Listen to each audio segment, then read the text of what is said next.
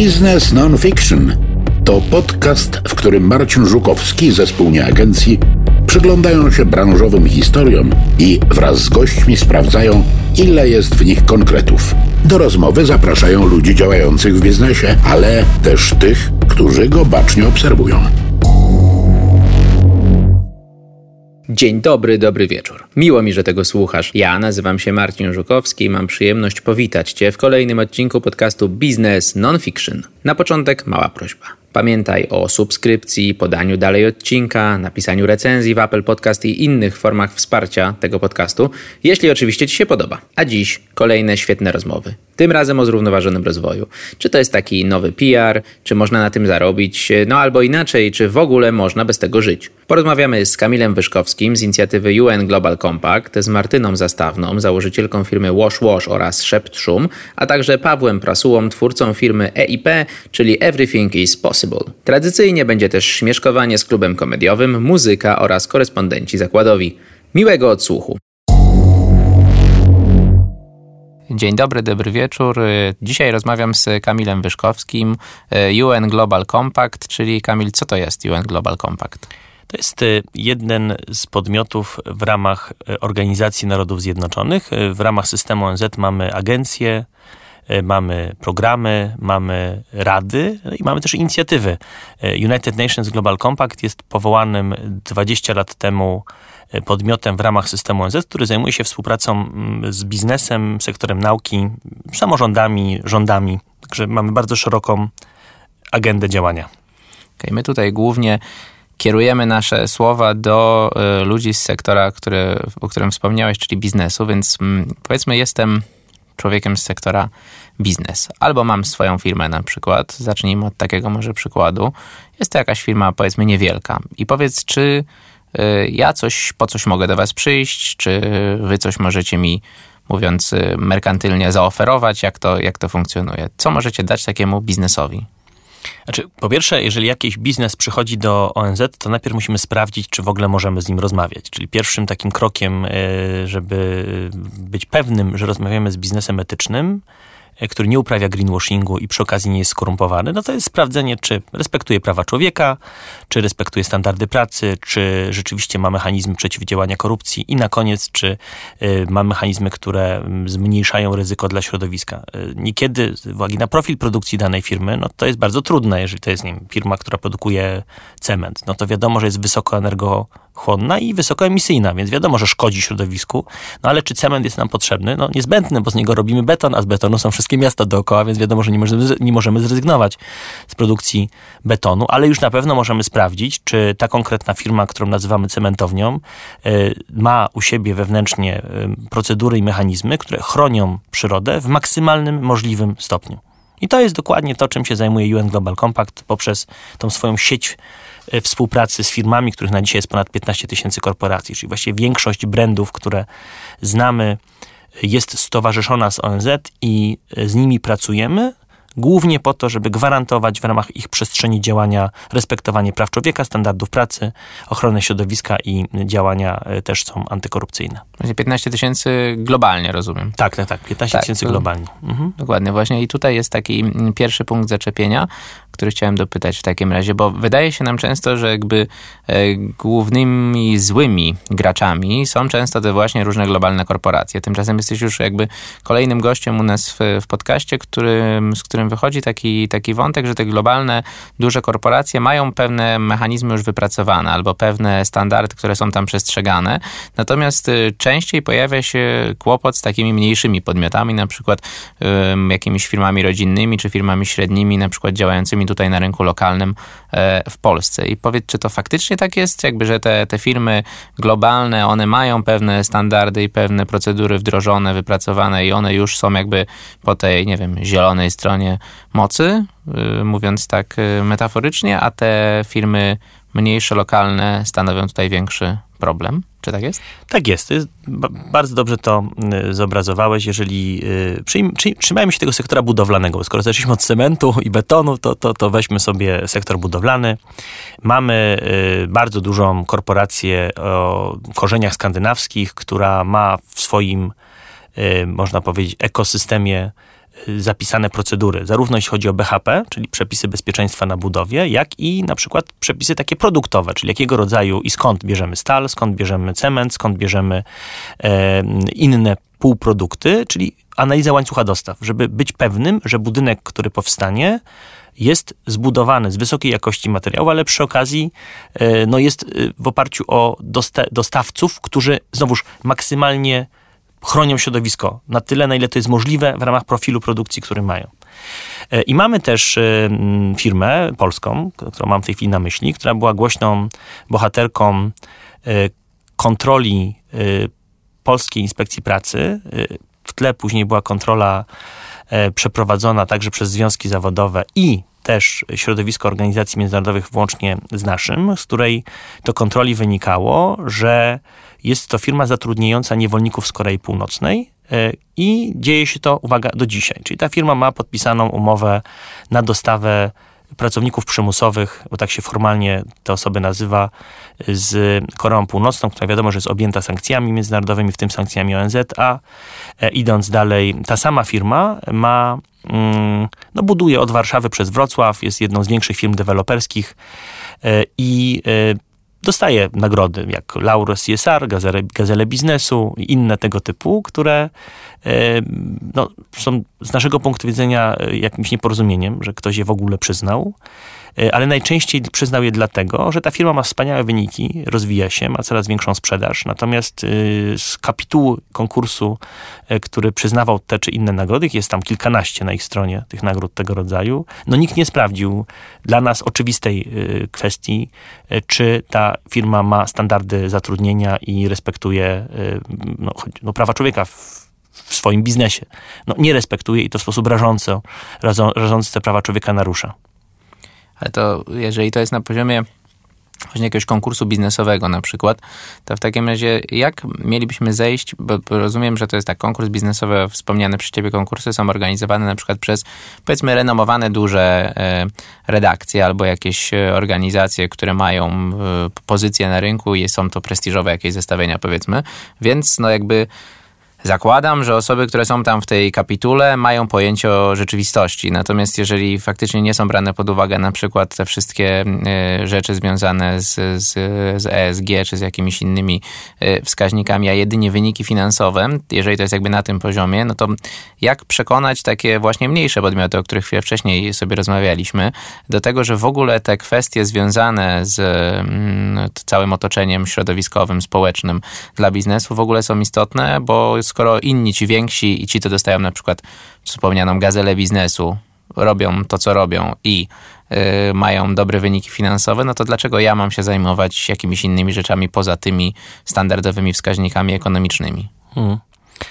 To może zacznijmy od tego, że y, nasze oczekiwanie w ramach, w ramach UN Global Compact jest takie, że jeżeli już się ogłasza konkurs i ten konkurs dotyczy biznesu, no to się jednak przyjmuje standard minimum, że uczestnikiem takiego konkursu, czy no, a już na pewno firmą nagrodzoną, powinna być firma, która ma pewne minimalne standardy y, spełnione. No, I one powinny być przynajmniej cztery.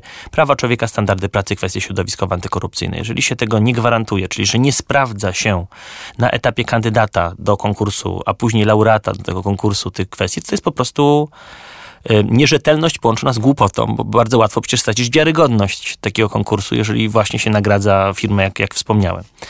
E, to po pierwsze. Po drugie, jeżeli już e, mielibyśmy definiować konkursy jako przestrzeń do właśnie no, zwalczania nadużyć, ale też pokazywania tak, takich, wystawienia takich laurek, nie? że spójrzcie, tu jest ta wysoka jakość i tutaj właśnie mamy przykłady firm, które radzą sobie świetnie z tymi wyzwaniami, no to tym bardziej trzeba e, też edukować kapituły konkursu i, e, i wytaczać pewne, wy, wy, wyznaczać pewne standardy dla ich e, kategorii oceny nie? danego kandydata do konkursu czy, czy, czy, czy, do, czy do nagrody. No i bardzo byśmy sobie życzyli, żeby wszystkie nie wiem, redakcje czy, czy firmy też konsultingowe bądź inne, które konkursy ogłaszają, wykorzystywały ten standard ONZ-owski, który proponujemy, który zresztą wytycza UN Global Compact. My jesteśmy dokładnie od tego. My pokazujemy, jakie firmy mogą współpracować z systemem ONZ, czy ewentualnie być w ONZ-owskim łańcuchu dostaw. I to jest nasz standard minimum. Sprawdzamy, jeżeli jakaś firma chce z nami pracować, czy te cztery elementy respektuje i w jaki sposób. Czyli też sprawdzamy mechanizmy W jaki sposób, jakimi narzędziami to robi? Jak chroni chociażby swoich pracowników przed mobbingiem, dyskryminacją ze względu na płeć, ze względu na orientację seksualną? Czy dba o to, żeby e, pracownicy danej firmy mieli równe prawo awansu, etc., etc.? Tego typu rzeczy są niejako wpisane w pewne mechanizmy, które sprawdzamy przy dużych korporacjach. Jeżeli to jest nie wiem, jednoosobowa działalność gospodarcza, czy piekarnia lokalna, która ma trzech, pięciu pracowników, też jak najbardziej takie standardy e, minimum mamy dla nich opracowane i spokojnie można z nich korzystać. To się u nas nazywa standard minimum programu etycznego. E, można skorzystać, jest opracowany i każdy, nawet jednoosobowa działalność może sobie tego rodzaju procedury wdrożyć. Mhm. No tak, ale właśnie jakby moim głównym Powiedzmy, problemem tutaj jest to, że właśnie jakby to jest y, na etapie, w, trochę jak mówimy, nie wiem, standardy etyczne dla biznesu i powiedzmy masz ten mały, mała piekarnia, powiedzmy, wydaje mi się takim biznesem miłym trochę, ale nie wiem, masz jakiś e, warsztat samochodowy na przykład, nie? Mhm. Jest jakiś mały warsztat samochodowy, no i jeżeli bym poszedł do warsztatu samochodowego małego prowadzonego przez pana jakiegoś, to najczęściej mężczyźni chyba prowadzą warsztaty samochodowe, prowadzonego przez, nie wiem, 30 czy ileś lat i powiedziałbym mu, że słuchaj, e, tutaj standardy etyczne i tak dalej, i tak dalej, to są w ogóle sformułowania, które podejrzewam intuicyjnie, jakby nie trafiłyby do niego specjalnie. Mhm. I myśli, że jakby to jest problem, że takie mniejsze firmy czy mniejsze organizacje funkcjonują w sposób niekoniecznie zgodny z tym, co jest tymi standardami? Czy to jakby wystarczy to, że te, wiesz, 15 tysięcy, bo być może tak jest, że wystarczy 15 tysięcy globalnie funkcjonujących firm będzie funkcjonować zgodnie z tymi standardami, jakby będziemy pchać ten wózek w dobrym kierunku.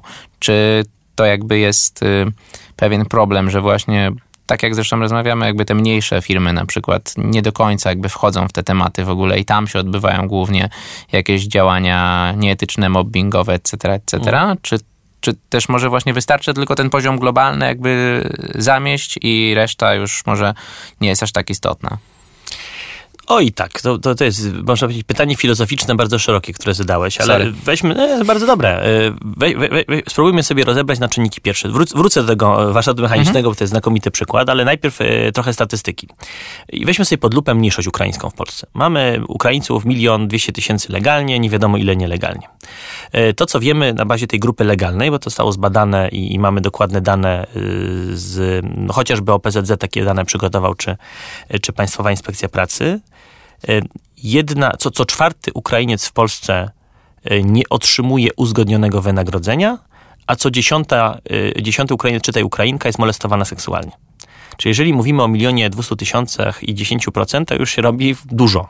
Czyli mamy... To jest y, miasto takiej tak, pewnej takie, średniej wielkości. Tak jest. I teraz kto molestuje te najczęściej kobiety? No, polscy pracodawcy, bądź ich współpracownicy. Najczęściej polscy.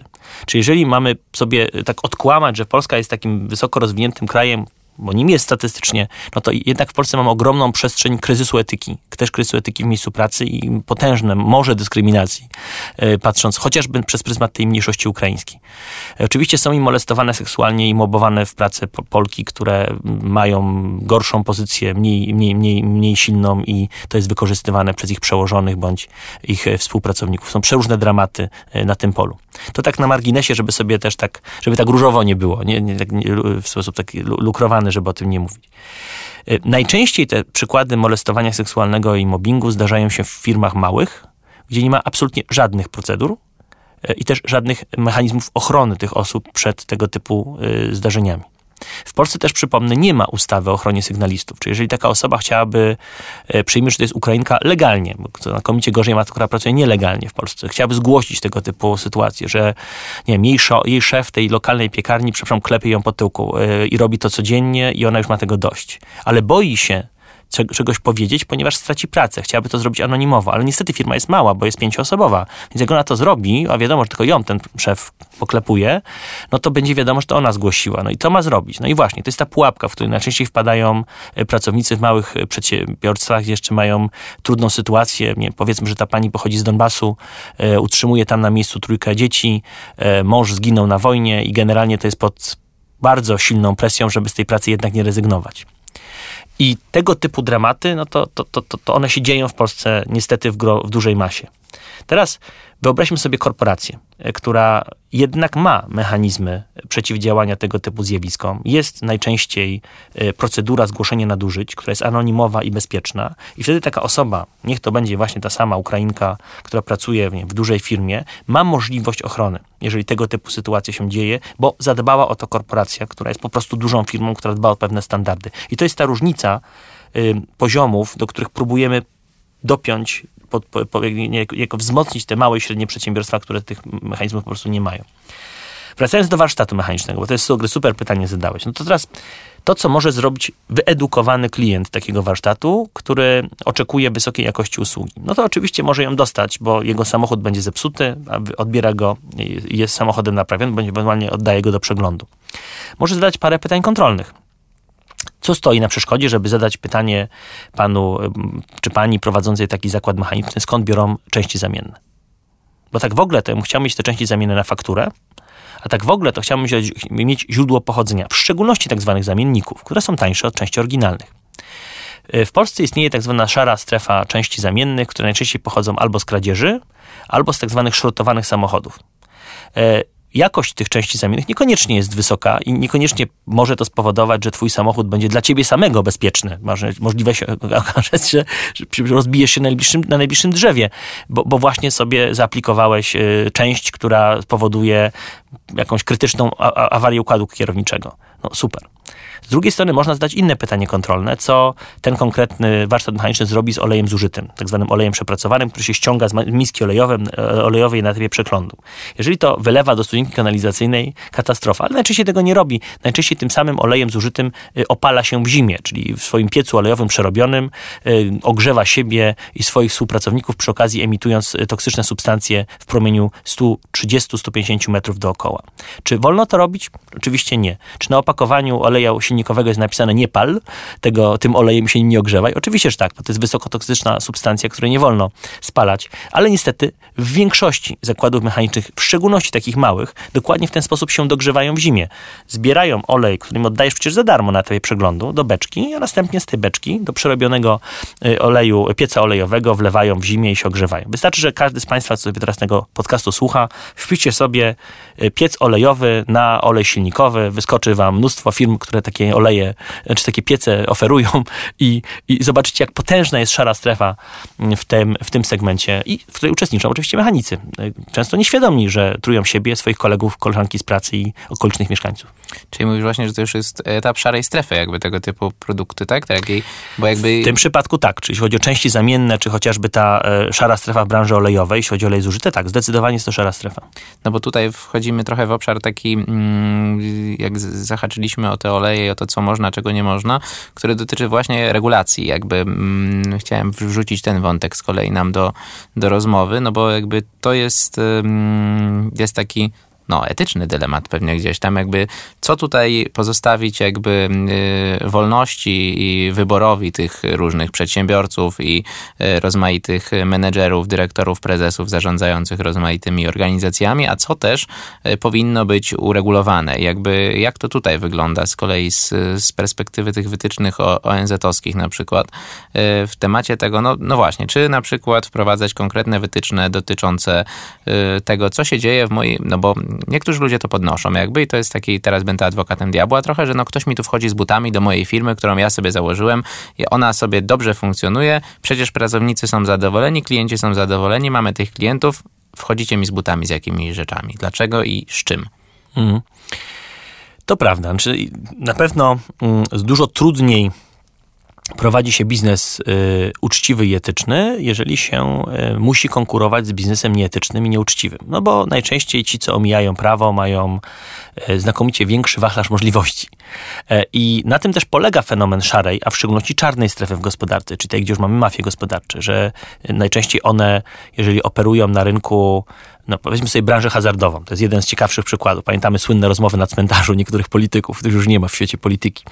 To, to nowelizacja ustawy hazardowej była zrobiona po to, żeby wykluczyć możliwość takiego rozpasania na polskim rynku e, gier hazardowych, żeby no, było, były licencjonowane firmy, wiadomo było ile ich jest, że prowadzi to, to, to licencjonowanie Ministerstwo Finansów, wszystko jest jakby pod kontrolą. Ma, mamy jakby pewną e, pulę tam kilkudziesięciu firm, które tego rodzaju zakłady wzajemne w internecie nie tylko prowadzą. Proszę bardzo, można, jak ktoś chce taką działalność gospodarczą prowadzić, proszę bardzo, tylko że musi odprowadzać podatek od gier.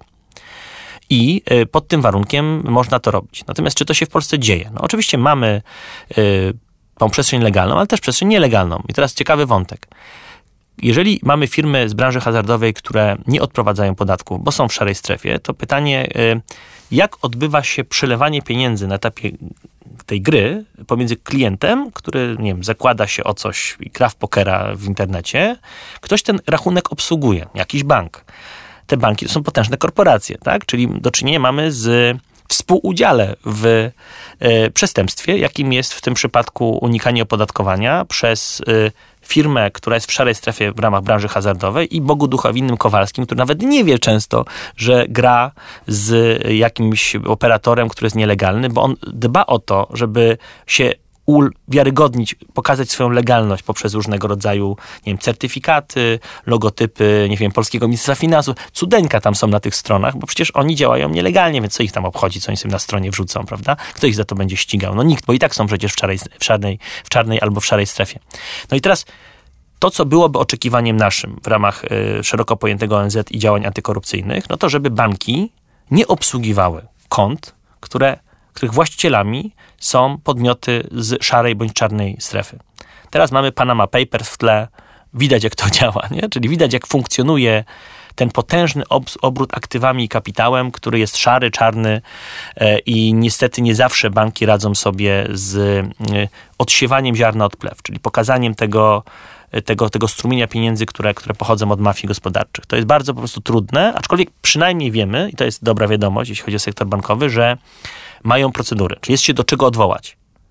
Że mamy y, analizy takie big data, które prowadzą te duże korporacje bankowe y, i próbują szukać tego typu y, przepływów, tak, które, są, które są jakoś tam nie, no podejrzane. I ta walka cały czas trwa. No i teraz, jeżeli by, byś spytał o to, czy, czy, czy, czy generalnie etyka w biznesie i, i prośrodowiskowe działania to jest jakiś mainstream. E, nie jest. Znaczy, patrząc z punktu widzenia e, miejsca, w którym pracuję, no to te 15 tysięcy korporacji to jest. Chcielibyśmy, żeby, żeby wszystkie respektowały te zasady, a nawet te, które są w gronie tych 15 tysięcy, one są na drodze do osiągnięcia y, tych naszych standardów, które, y, które wytyczamy. Czyli jest bardzo źle z punktu widzenia etyki, ochrony środowiska, kwestii korupcyjnych czy, y, czy, czy, czy, czy tych związanych ze standardami pracy. No właśnie, bo jakby wydaje mi się, że tutaj akurat w fajną stronę poszliśmy, bo nie skupiliśmy się na tych kwestiach związanych z ekologią i z, ze środowiskiem naturalnym. Jakby skupiliśmy się bardziej na tematach środowiska pracy i środowiska społecznego, powiedzmy, co wydaje mi się zresztą bardziej interesujące, bo jeżeli już mówimy o czymś, co weszło do mainstreamu, no to te kwestie ekologiczne są tymi, które weszły bardziej do mainstreamu. Ciągle w, w tle pozostają te inne obszary, o których wspominałeś.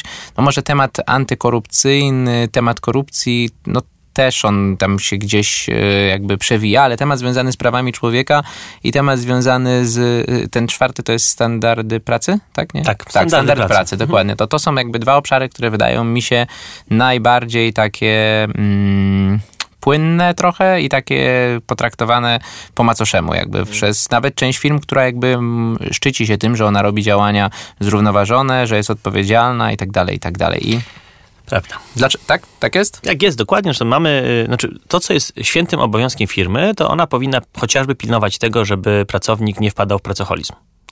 Teraz pytanie, czy y, y, firma, która ma pracownika pracocholika się z tego powodu martwi? No nie, bo siedzi po godzinach, haruje jak wół, robi trzy razy więcej od innych, bo właściwie nie ma życia prywatnego, y, nie pracuje 8 godzin, tylko pracuje ich 16. No super, no pracownik marzenie.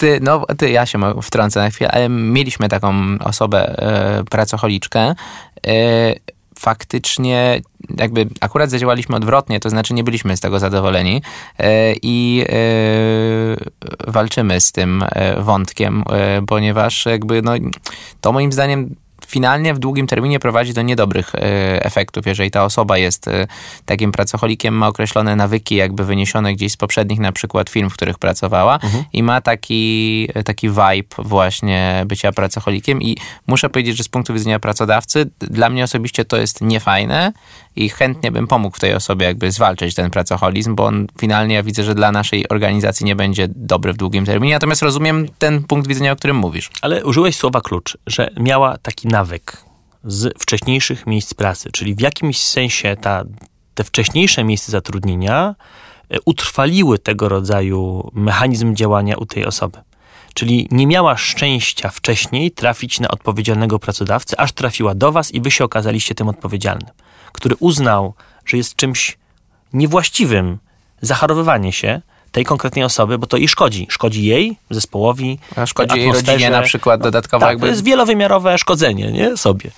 I firma natomiast, jeżeli mówimy o standardach pracy, firma powinna pilnować tego, żeby pracownik nie przepracowywał się, że powinien mieć dla takiego pracownika, który ma tendencję do pracoholizmu, mieć y, przygotowane programy naprawcze. Powinna być taka troska, przyglądanie się z troską temu, żeby ten pracownik sobie, przepraszam, krzywdy nie zrobił yy, poprzez no, właśnie wejście na tą ścieżkę pracoholizmu i oczywiście taką osobę łatwo, na początkowym etapie z tego, tej tendencji wyprowadzić. Jeżeli ona już stanie się chorobą, bo pracoholizm jest chorobą, no to, no to jest mega trudno.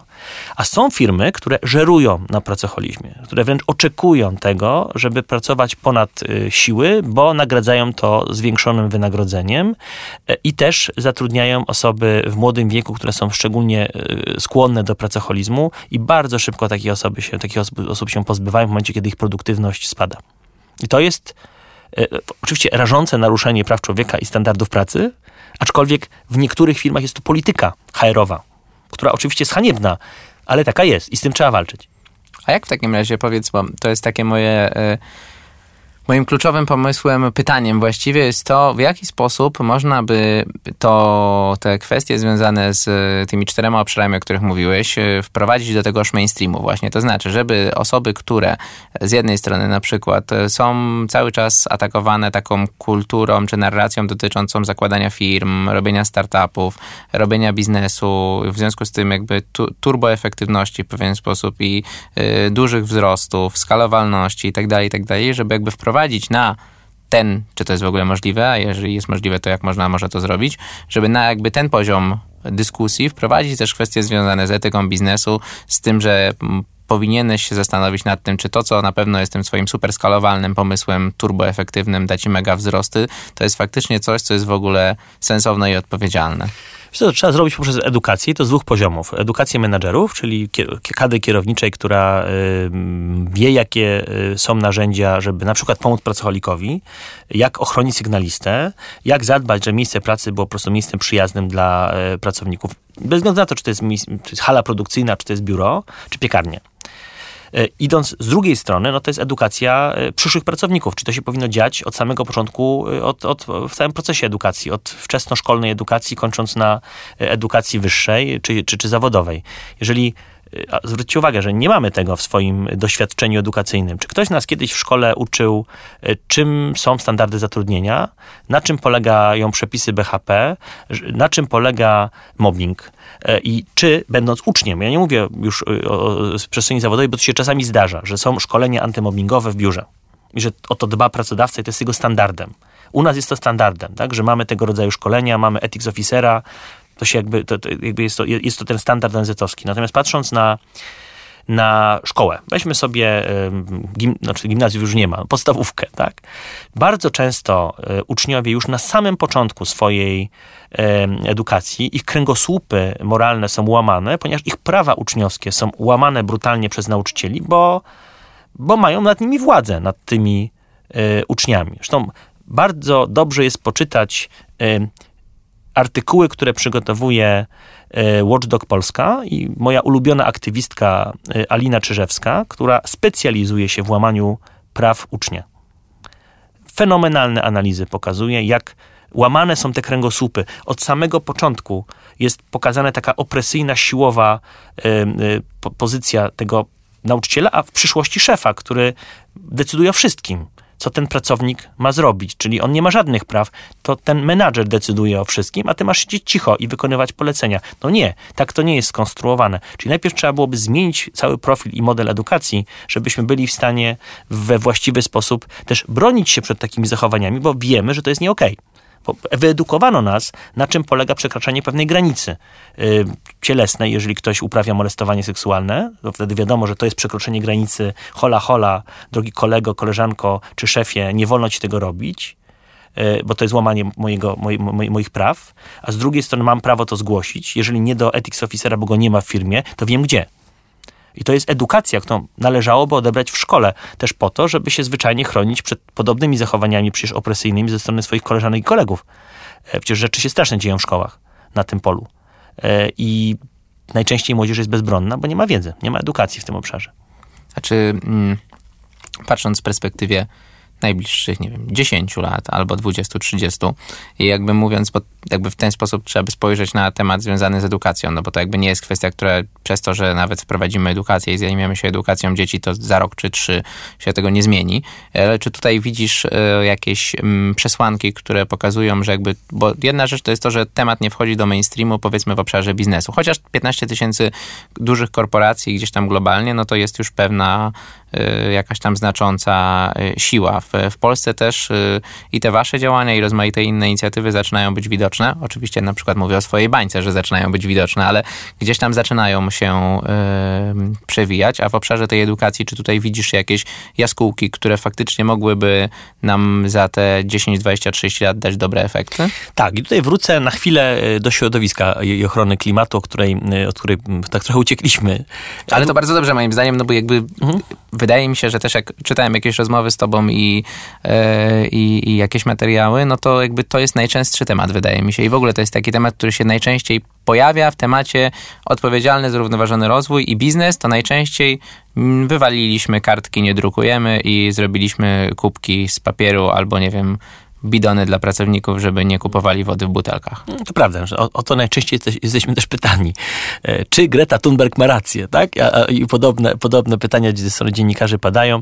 Natomiast wracając do edukacji, to edukacja edu ekologiczna, edukacja klimatyczna to jest dokładnie to, co powinno się zadziać w Polsce i dopiero wtedy będziemy w stanie w mądry sposób odpierać e, greenwashing ze strony zarówno e, pracowników, ze strony samych, nazwijmy to sobie, klientów różnych, kupujących różne usługi, usługi i produkty, no i ze strony też y, menadżerów i menadżerek, którzy nagle zaczną orientować się, że ich współkoledzy w zarządzie czy, czy niżej na innych poziomach kierowniczych próbują wdrażać jakąś strategię, która jest po prostu ekościemą. Nie? I, I ta edukacja klimatyczna, edukacja e, ekologiczna, ona jest po pierwsze postulatem globalnym, bo przypomnę, w 2014 roku mieliśmy szczyt klimatyczny w Limie, była tak zwana deklaracja z Limy, którą zgłosił pan minister, wtedy, zresztą polski rząd to zgłosił, pan minister Korolec. Ona została przyjęta przez wszystkie 195 państw świata y, przez aklamację, że tak trzeba zrobić globalną edukację klimatyczną. 15 y, lipca tego roku, żebyśmy się o to upomnieli, zrobiliśmy okrągły stół edukacji klimatycznej jako UN Global Compact, zaprosiliśmy ministra Kurtykę, ministra klimatu i środowiska, pana ministra Czarnka, ministra edukacji i nauki, kancelaria prezydenta prezydenta RP. E, I wszyscy rzeczywiście poparli tą, tą, ten postulat, tak, że trzeba się wokół tego tematu spotkać. Mieliśmy też wokół tego okrągłego stołu e, wszystkich polityków, e, wszystkie partie polityczne obecne w Sejmie były obecne, naszą Radę Klimatyczną, czyli naukowców, którzy się tym tematem zajmują, Związek Nauczycielstwa Polskiego, Biuro Rzecznika Praw Obywatelskich, Najwyższą Izbę Kontroli itd., tak itd. Tak I to, co uradziliśmy razem z młodzieżą, bo tam był też dialog młodzieżowy, pięć organizacji młodzieżowych, które zajmują się ochroną klimatu. Od strajków klimatycznych zaczynając przez Młodzieżową Radę Klimatyczną i inne.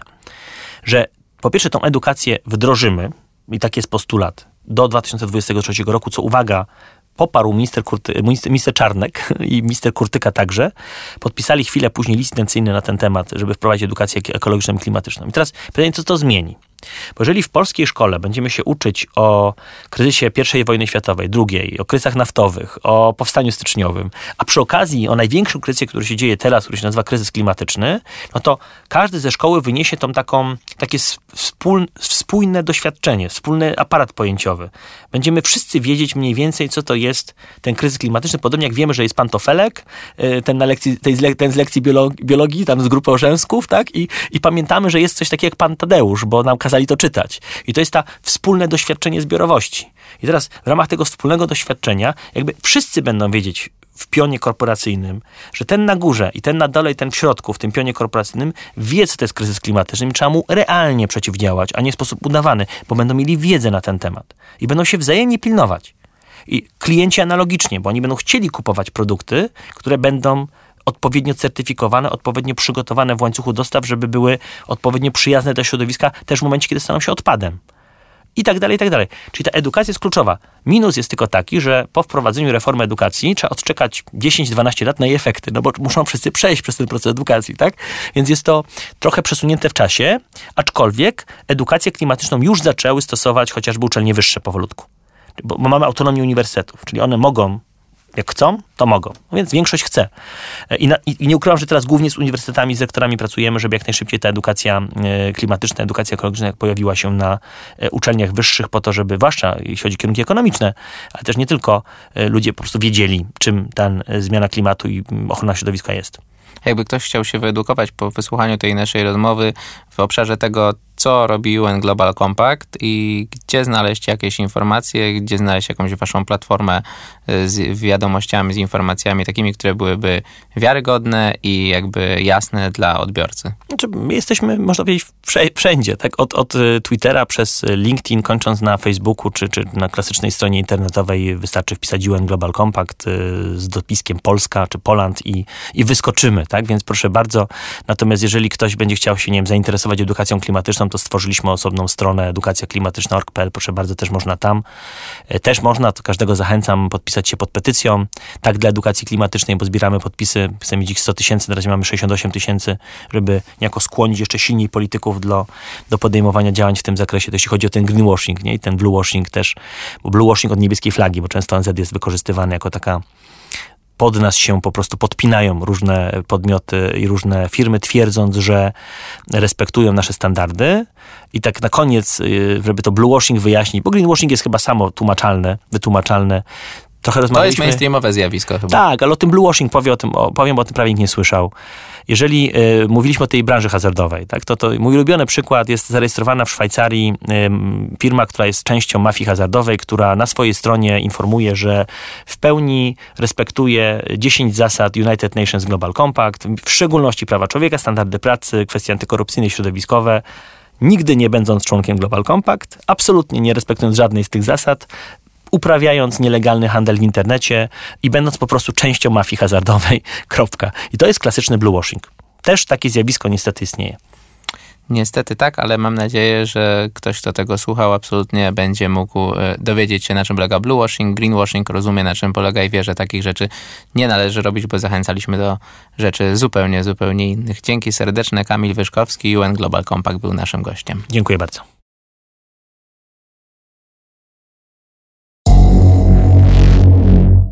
Dzisiaj rozmawiam z Martyną Zastawną, y, pionierką Zero Waste, y, twórczynią marki Wash Wash i y, współzałożycielką kolektywu Szept Szum. Wszystko dobrze? tak, wszystko dobrze. Cześć, dobry wieczór. Tak, albo dzień dobry, bo w albo dzień dobry. nie wiadomo, kiedy ktoś tego słucha, więc podchwyciłem takie powitanie dzień dobry, dobry wieczór od kogoś i ono mi się podoba, muszę powiedzieć. Ale jakby abstrahując od tego, yy, powiedz, yy, pionierka Zero Waste, yy, tworzysz dwie firmy, które wydają się być w pewien sposób odpowiedzialne, zrównoważone. I powiedz, czy ci się to opłaca w ogóle?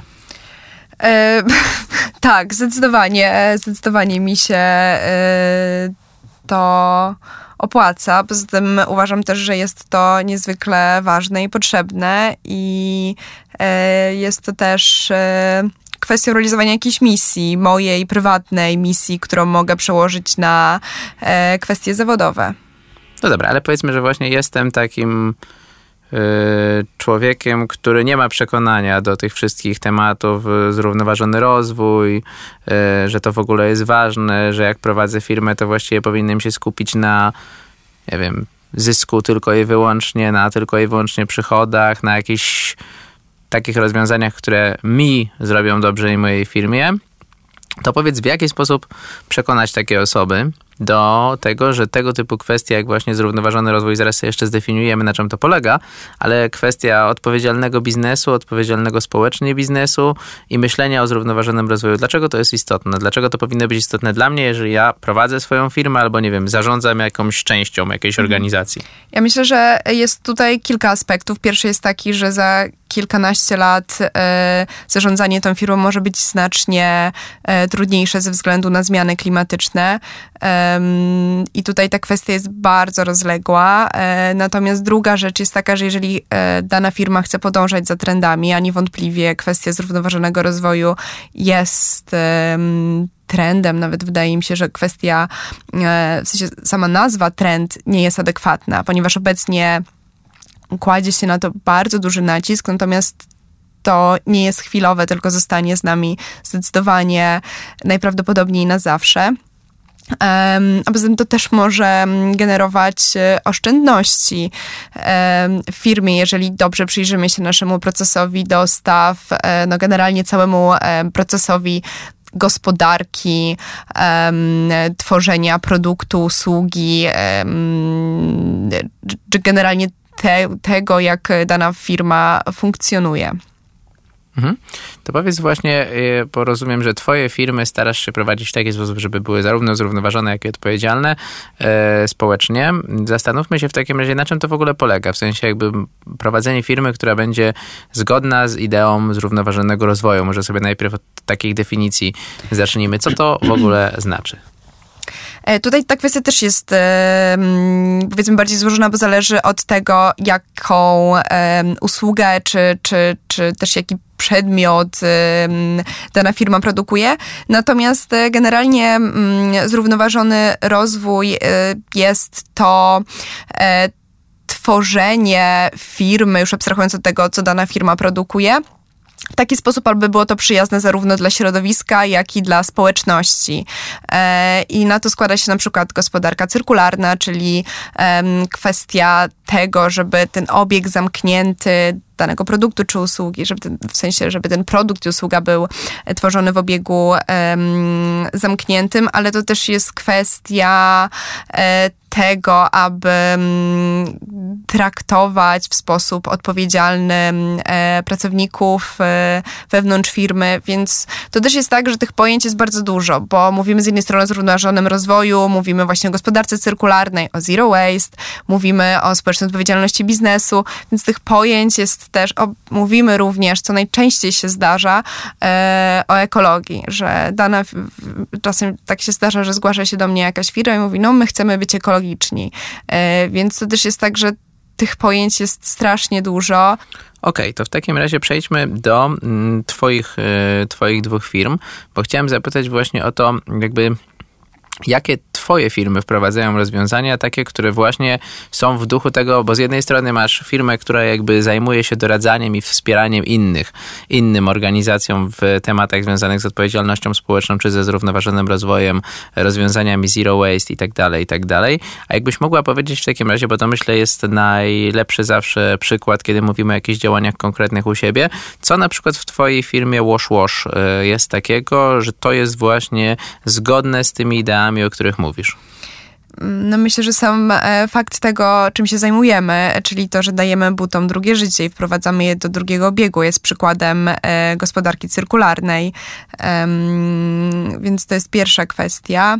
A mogę tylko jeszcze dopytać o jedną rzecz. Skąd w takim mhm. razie jakby wiesz, wziął się pomysł w ogóle na to właśnie, żeby robić, e, bo jest masa osób, które myśli sobie, dobra, założyłabym, czy założyłbym sobie na przykład markę modową jakąś, robiłbym buty, albo robiłabym ciuchy, albo coś tam. A tutaj tymczasem mamy wejście też w temat związany z modą z kolei, natomiast z zupełnie innej strony.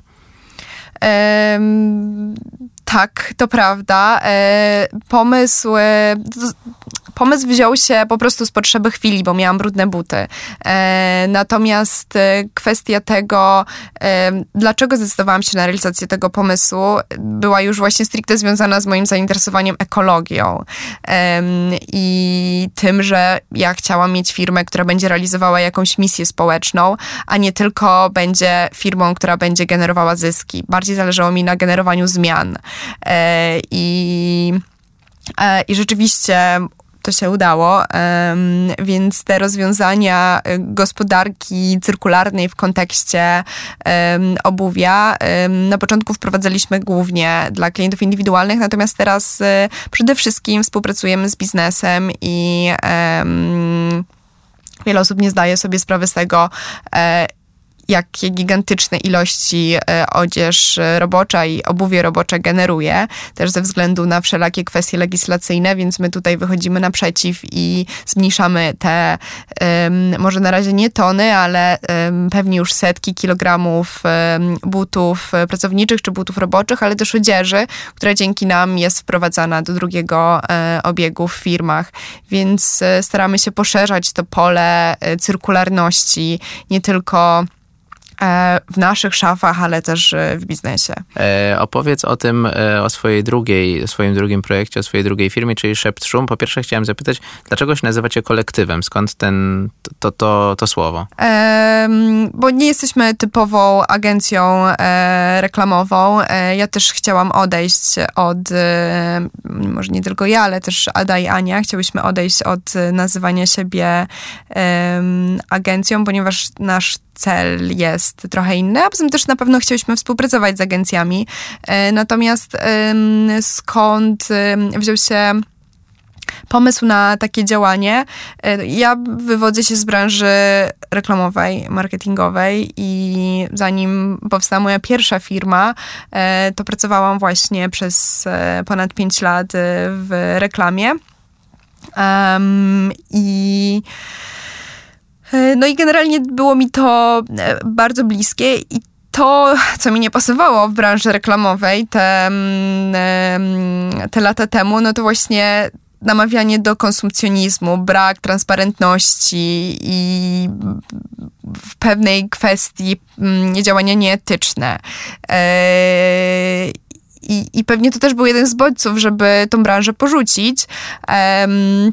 Natomiast też praca w na pewno dała mi e, taką siłę, ale też motywację do wdrażania realnych zmian. Jeżeli byłam w stanie wpłynąć na świadomość w kontekście zero waste, e, nie tylko klientów indywidualnych, ale i biznesowych, mm, to mm, stwierdziłam, że jestem w stanie, jesteśmy w stanie jeszcze ze wsparciem Ady i Ani e, wdrożyć e, te zmiany także do klientów biznesowych. Powiedz w takim razie, gdybyśmy, jesteśmy jakąś firmą, nie wiem, bardziej pewnie większą niż, niż mniejszą, yy, coś produkujemy, wytwarzamy, realizujemy jakieś usługi, to w tym momencie chyba nie ma znaczenia, jaka konkretnie branża. Co powinniśmy wziąć sobie jako takie kryteria, nie wiem, jakieś audytujące, sprawdzające, co powinniśmy poprawić pod kątem właśnie tego, żeby działać bardziej odpowiedzialnie pod kątem ekologicznym i pod kątem społecznym, bo to, co mi się wydaje istotne, to jest to, żebyśmy też nie zapomnieli o tej drugiej części, której wcześniej mówiłaś, czyli że to muszą być działania zrównoważone, czyli takie, które są dobre dla środowiska, albo przynajmniej nie szkodzą mu wybitnie, no i też dla społeczeństwa. Mm, tak, zdecydowanie. Ja się zgadzam z tym, że, e, że to powinno działać dwutorowo. E, natomiast pewnie należałoby wyjść e, od takiego mm, modelu kołowego, czyli od tego, mm, jakie procesy jak wygląda cały proces powstania danego produktu czy danej usługi, aż po to, z jakich surowców jest stworzone. Oczywiście to bardzo zależy rzeczywiście od tego, czy to jest usługa, czy to jest produkt, ale powiedzmy, że to jest jakiś dany produkt y, korporacji, więc kwestia coś, surowców. Co jest fizyczne na przykład. Tak, coś, co jest się tym, bo łatwiej jest to zwizualizować i sobie wyobrazić. Więc, więc kwestia surowców, skąd te surowce pochodzą, jak wygląda cały proces powstania danego produktu, kwestia tego, w jaki sposób jest on przedstawiony e, i czy tutaj pojawiają się jakieś kwestie, które można wykorzystać e, w zgodzie z e, społecznością czy ze środowiskiem. Kwestia mm, tego, w jaki sposób dociera do klienta docelowego, czyli ten cały całe kwestie logistyki też są niezwykle ważne, aż po um, aż po ten aspekt końcowy, czyli jeżeli ten dany produkt się zużywa, to co wtedy się z nim dzieje? Czy można go powtórnie wykorzystać?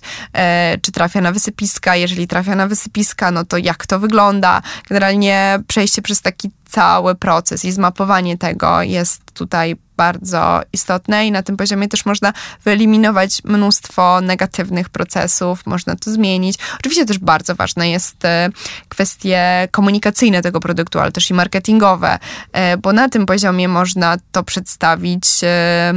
Oczywiście, jeżeli jest, nie jest to greenwashing, jeżeli jest to zgodne z prawdą, to można go przedstawić w taki sposób, żeby był on rzeczywiście y, przyjazny dla środowiska i żeby też był na przykład edukacyjne, że na przykład z danym, nie wiem, niech to będzie jakiś słoik, w którym są oliwki, no to, że z tym słoikiem można, e, nie musi on wylądować w koszu, tylko można z nim zrobić, nie wiem, mnóstwo, że może być on wazonem, można go pomalować, można, nie wiem, zrobić mnóstwo różnych rzeczy. To jest jakiś taki bardzo prosty przykład, ale takich rozwiązań może być znacznie, znacznie, znacznie, znacznie więcej. Jedna rzecz to są właśnie te fizyczne, namacalne produkty, których powiedzmy ta świadomość gdzieś tam rośnie. Natomiast jest jeszcze ten drugi obszar, czyli obszar obszar e, cyfrowy, obszar cyfrowych usług, cyfrowych produktów, w którym sam ostatnio będąc na uczestnikiem jednej dyskusji na temat zrównoważonego rozwoju, e, jeden z współpanelistów usilnie przekonywał, że jakby on wprowadza u siebie rozwiązania bardzo ekologiczne, ponieważ zastąpił papier do druku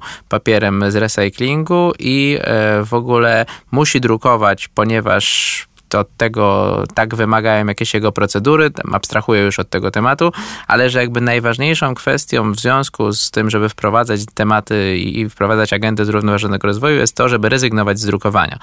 No i to jest takie trochę coś, co trochę takie pójście w stronę, która otwiera, moim zdaniem przynajmniej, takie niebezpieczeństwo, że jakby wtedy w ogóle pomijamy ten aspekt związany z produktami cyfrowymi, a powiedzmy sobie, czy te produkty cyfrowe w ogóle w jakiś sposób y, negatywny wpływają na nasze środowisko i na naszą planetę, na społeczeństwo to inna zupełnie kwestia. Na razie skupmy się na tym y, śladzie środowiskowym. Mhm.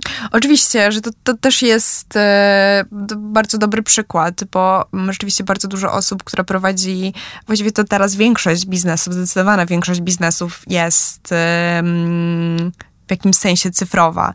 I na ten aspekt w ogóle się nie patrzy. Rzeczywiście patrzy się na te kwestie bardziej namacalne, typu papier do drukarki, czy nie wiem, wyeliminowanie jakichś odpadów. I super, że to się dzieje, w sensie fajnie, jeżeli patrzymy na to także w ten sposób, ale powinniśmy to postrzegać jako całość, czyli też zastanowić się nad tym, um, właśnie jakiś ślad środowiskowy, ślad węglowy czy ślad wodny generujemy cyfrowo i e, tutaj też przykładów jest bardzo dużo i to bardzo zależy też od tego, jak dana firma funkcjonuje, e, tego jak, jak wyglądają serwery i tak dalej, i tak dalej. Więc to jest aspekt, o którym moim zdaniem mówi się zbyt mało, a jest też bardzo, bardzo istotny i i generalnie konkludując już, to wydaje mi się, że ludzie lubią się posługiwać takimi prostymi przykładami, że właśnie wyeliminują e, drukowanie rzeczy i wszystko już będzie super. A no, żeby rzeczywiście biznes się zmienił, to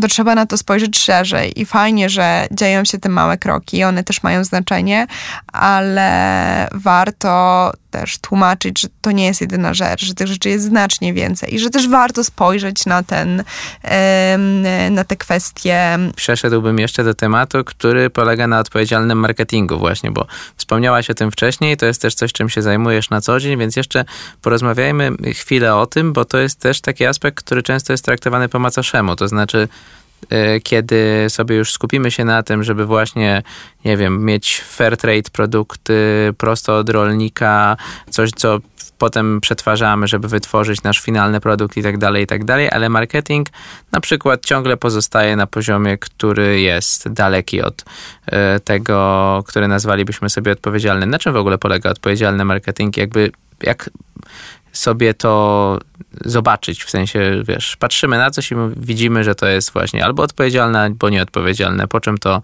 można wnosić. Mhm. To, to jest w ogóle bardzo trudne pytanie. Ja kiedyś starałam się taką definicję odpowiedzialnego marketingu stworzyć i, i, i ciągle pojawiały się jakieś nowe rzeczy, um, które mi to finalnie uniemożliwiły. Natomiast um, nadal tak jakby, jeżeli już miałabym ją tak na szybko tutaj stworzyć, to uważam, że e, działania odpowiedzialne w kontekście marketingu to rzeczywiście przede wszystkim takie, które są transparentne, które przedstawiają rzeczywiście to, co się dzieje, które mają też formę w jakimś sensie edukacyjną um, dla społeczeństwa. Um, ale też dla środowiska, bo jeżeli my uczymy kogoś um, pozytywnych postaw, to, to też ma to um, wpływ na środowisko. E, I wydaje mi się, że ten odpowiedzialny marketing to też taki, który jest w. Um, zabrakło mi teraz słowa, ale który jest takim trochę przeciwieństwem konsumpcjonizmu i, i no bo jednak generalnie, jeżeli przesiedzimy skąd wziął się konsumpcjonizm, e, to w duży, dużą rolę odegrały tutaj agencje reklamowe i nawoływanie do tego, żeby kupić jak najwięcej. Zresztą nadal jest to, um, można powiedzieć, że ekologia jest w mainstreamie, ale jak patrzymy sobie na komunikaty niektórych firm, no to kupuj więcej i kupuj natychmiast jest super popularne. Może nie aż tak bezpośrednio, ale ale nadal, y, nadal się pojawia, więc odejście od takich komunikatów, od tego, żeby kupować, bo coś jest tańsze, bo, bo jest na promocji, e, jest, jest też y, częścią odpowiedzialnego marketingu moim zdaniem jest y, tworzenie komunikatów, że mm, kup to, jeżeli, on, jeżeli coś jest ci rzeczywiście potrzebne, a nie kup to, bo bo jest na przykład na promocji. Więc ja wiem, że to jest bardzo takie e, momentami problematyczne e, dla firm, bo mm, e, ta gospodarka e, liniowa, e, ona nadal bardzo mocno się trzyma i nadal funkcjonuje i też z niej się wywodzi konsumpcjonizm ale, um, ale no gdzieś, gdzieś tak, tak bym to mniej więcej um, określiła.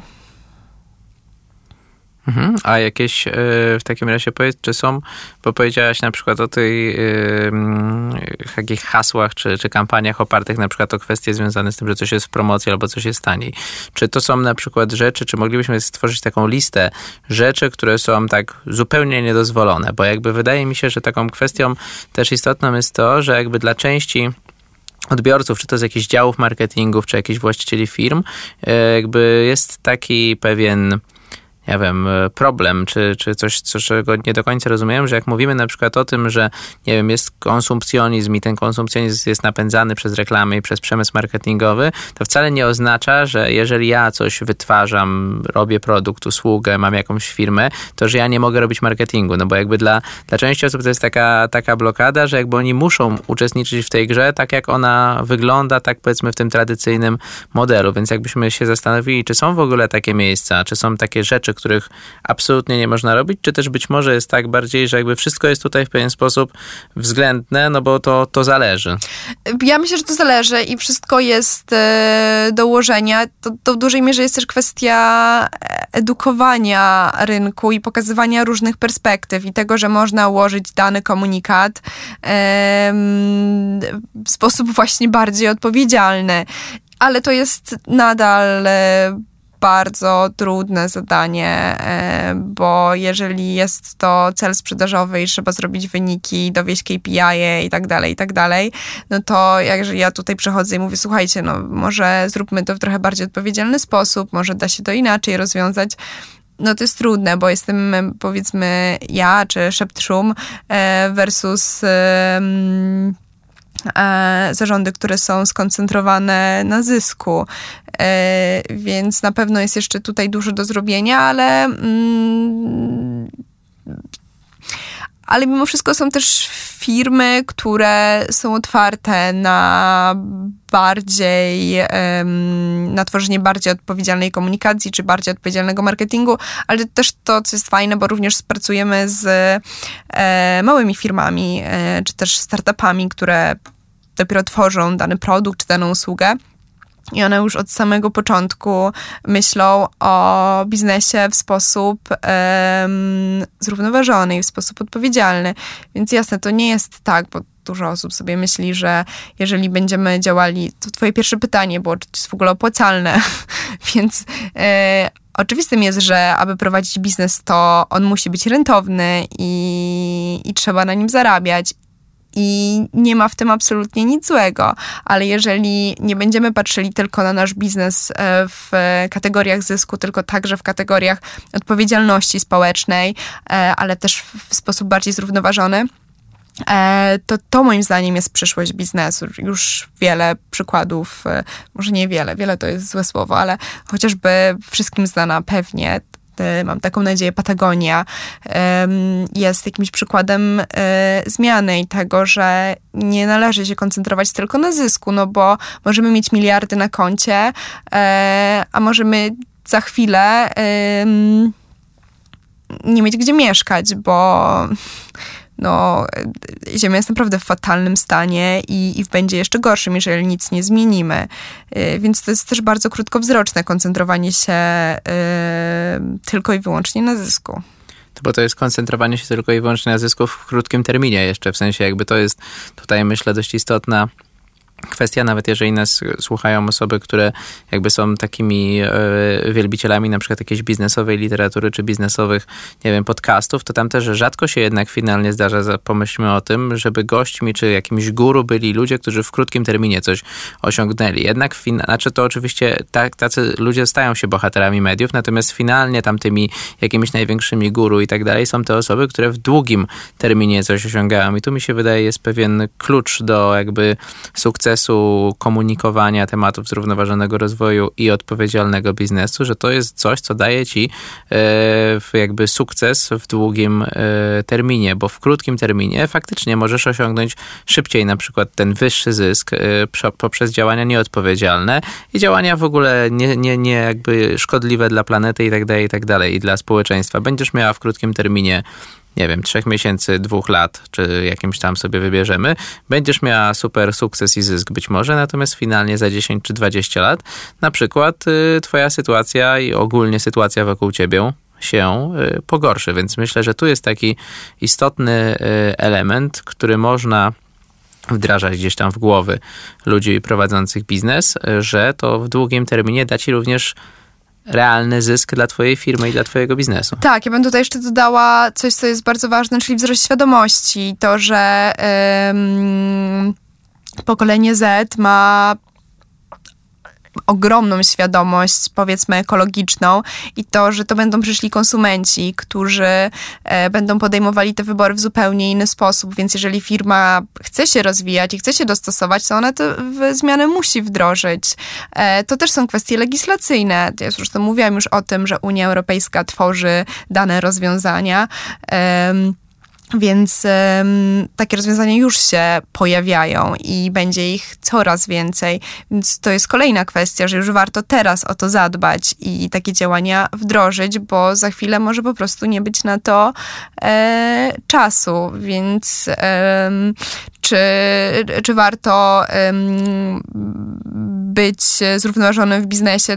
No, absolutnie, absolutnie tak. I też uważam, że to jest trochę ostatni dzwonek. Oczywiście ja uważam, że to kwestia naszej planety i środowiska, w którym żyjemy i czy będziemy mogli w nim żyć jest najistotniejsza, ale jeżeli spojrzymy też na to szerzej, właśnie w kontekście mm, świadomościowym, e, w kontekście rozwojowym i w kontekście legislacyjnym, no to to się po prostu musi zadziać. To jest przyszłość. Zrównoważony rozwój to jest absolutna przyszłość biznesu.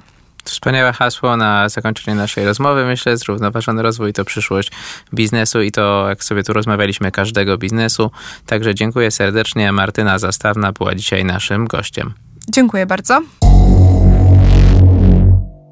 Dzień dobry, dobry wieczór, Marcin Żukowski e, i moim gościem jest Paweł Prasuła, twórca grupy EIP. Witaj tak. Pawle. Dzień dobry. Co Cześć. to jest, w takim razie zacznijmy od tego, co to jest grupa EIP i rozwiniemy może ten skrót na początek. Everything is possible. EIP. Okej, okay, jakby co się, co się składa na grupę EIP? Co to takiego? Jest to grupa spółek y, y, działająca w obszarze y, IT. Software, rozwiązania cloudowe, infrastruktura, security. Takie trzy trendy, które najszybciej się teraz rozwijają, jeżeli chodzi o rynek IT. Właśnie mówisz, że najszybciej teraz się rozwijają, ale wy istniejecie już dość długo na tym rynku, prawda? 20 lat e, ja osobiście mm, e, dotykam IT. Dla mnie interesującym wątkiem jest to, że ty poza jakby prowadzeniem tego y, biznesu w branży IT, czyli czymś takim, co się wydaje takie mocno konkretne i no właśnie tak konkretne to jest chyba dobre słowo i takie mocno jakby biznesowe, narzędziowe też często, działasz, y, jakby starasz się też y, mówić o tym, żeby, że ten twój biznes jest zrównoważony, odpowiedzialny. Jakby to się zaczęło w tym 2008 roku, czy było wcześniej, czy może też przyszło później? Oj, szeroka, e, szerokie zagadnienie. Najpierw e, ustrukturyzowałbym trochę, e, czym jest odpowiedzialność. Odpowiedzialność jest z etymologii odpowiedzią na wartość.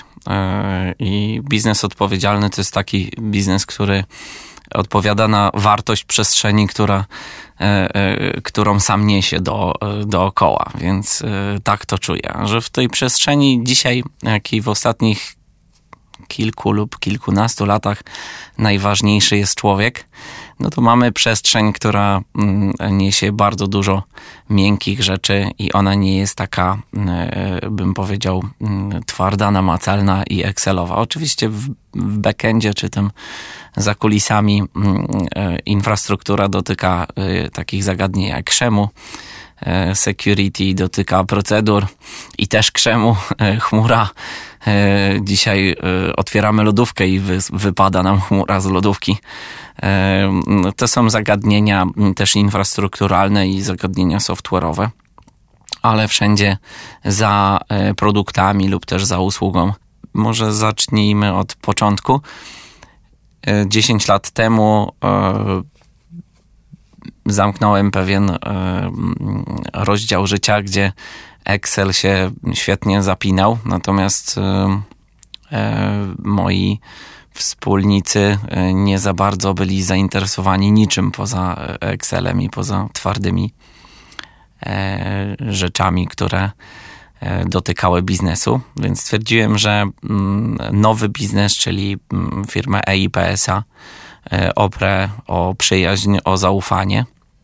Wtedy jeszcze nie było pojęć takich jak e, Agile, Scrum, etc., które są dzisiaj, które dla mnie są typowym stołem zaufania, gdzie najważniejsza jest transparentność i to, jak się z kimś komunikujemy. E, no, przez ostatnie 10 lat w strategię mamy wpisaną e, transparentność i e, zrównoważony rozwój. I wiadoma sprawa, że na jak jest dwóch, trzech ludzi i zaczynamy jakiś startup, jest inaczej. Dzisiaj cała grupa to jest około 250 osób w grupie. Biznes przekroczył 100 milionów przychodu i mamy kilka brandów, mm, e, bo w cloudzie to jest e, main, e, w mm, software house to będzie EIP Dynamics, a dla mm, systemów TMS-owych, dla logistyki to jest firma Omecon. To są dwa software house'y i kilkudziesięciu techników około cloudowych, więc to jest zasilane z boku gdzieś fundacją. E, jest z boku fundacja, która pomaga dzieciom. Jest to fundacja e, działająca wokoło kościoła dominikanów na Freta 10. Mamy też działanie zamiast, zamiast recepcji, jak rozmawialiśmy tutaj na stage'u, E, zamiast recepcji mamy mm, kawiarnię, która jest otwarta dla Mokotowa, dla ludzi z Mokotowa na Dąbrowskiego 30 w, naszej, w naszym headquarter w budynku, gdzie e, odrestaurowaliśmy kawiarnię i daliśmy ją na, e, dla działania dla fundacji, więc tych działań jest jakby dużo. Czasami moi partnerzy, klienci lub też wewnętrznie ludzie pytają, czy jak na to znajduje wszystko czas. E, ale prawda jest taka, że, e, że fundację prowadzi ktoś inny, kawiarnią się zajmuje ktoś inny, a biznes e, też prowadzi ktoś inny i to jest bardzo poukładane zagadnienie w, w proces. Natomiast w naszym DNA od samego początku jest człowiek na, jako najważniejszy punkt wartości i, i wszystko inne wynika z tego. Często brakuje czegoś takiego jak mm, e, gotówka, Excel się nie za, zazębia, ale to nie jest najważniejsze. E, najważniejsza jest e, prawda i najważniejsze moim zdaniem jest mm, energia i to jak liderzy dalej rozwijają swoje produkty i jak komunikują wartości do wewnątrz i do zewnątrz.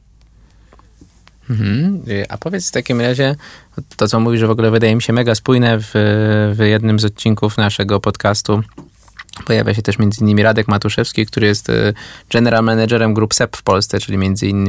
marki Tefal, WMF i Krups. Jakby ich e, strategia, którą, którą wdrożyli, była dokładnie podobna, dokładnie nawet używając prawie tych samych słów, których, których użyłeś a propos właśnie podejścia pod tytułem Excel versus ludzie. I jakby okazuje się, że kiedy wdrożono, wdrożyli strategię bardziej, yy, można by też użyć pewnie tych słów gdzieś tam agile'ową, oni to nazywają u siebie taką filozofią dbam, E, no to wyniki również po jakimś czasie też zaczęły iść w górę te takie twarde, konkretne wyniki, więc to też chyba nie jest do końca tak, jak niektórzy przekonują, że takie miękkie, powiedzmy, tematy nie wpływają na konkretne, znaczy na pewno tak nie jest nawet. A e, jeżeli mogę Cię jeszcze dopytać o jedną rzecz, która mi teraz przyszła do głowy, jak, mm, jak opowiadałeś, e, powiedz w takim razie tak, dlaczego mm, akurat postanowiłeś to zorganizować w takiej formule, że jest fundacja i fundacja, mówisz, pomaga dzieciom, jakby tak? Skąd jakby koncepcja na to, żeby stworzyć fundację,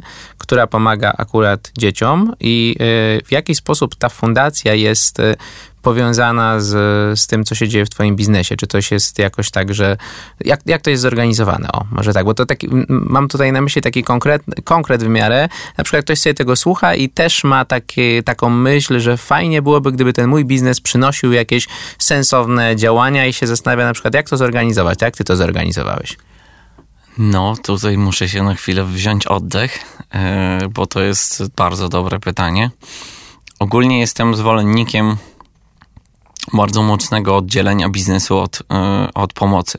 E, ten, kto pomoc drugiemu człowiekowi, moim zdaniem, wymaga e, poświęcenia mu czasu głównie.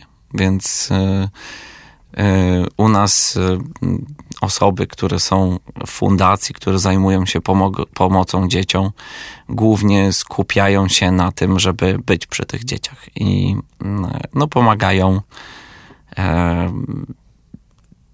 nie będę wnikał w jaki sposób lub też e, czego dotyczy ta pomoc, bo rozleje nam się temat szerzej. Natomiast powiem, że biznes ma bardzo fajną e, możliwość, bo powinien donosić pieniądze. Więc e, jeżeli ktoś prowadzi biznes, to najprostszą drogą pomocy jest e, w krzesać 10% z przychodu e, e, lub też i marży z tego przychodu i znaleźć sobie fundację, której lub działanie, które, e, które jego zdaniem jest, jest fajne. Tych działań dzisiaj w Polsce jest bardzo dużo.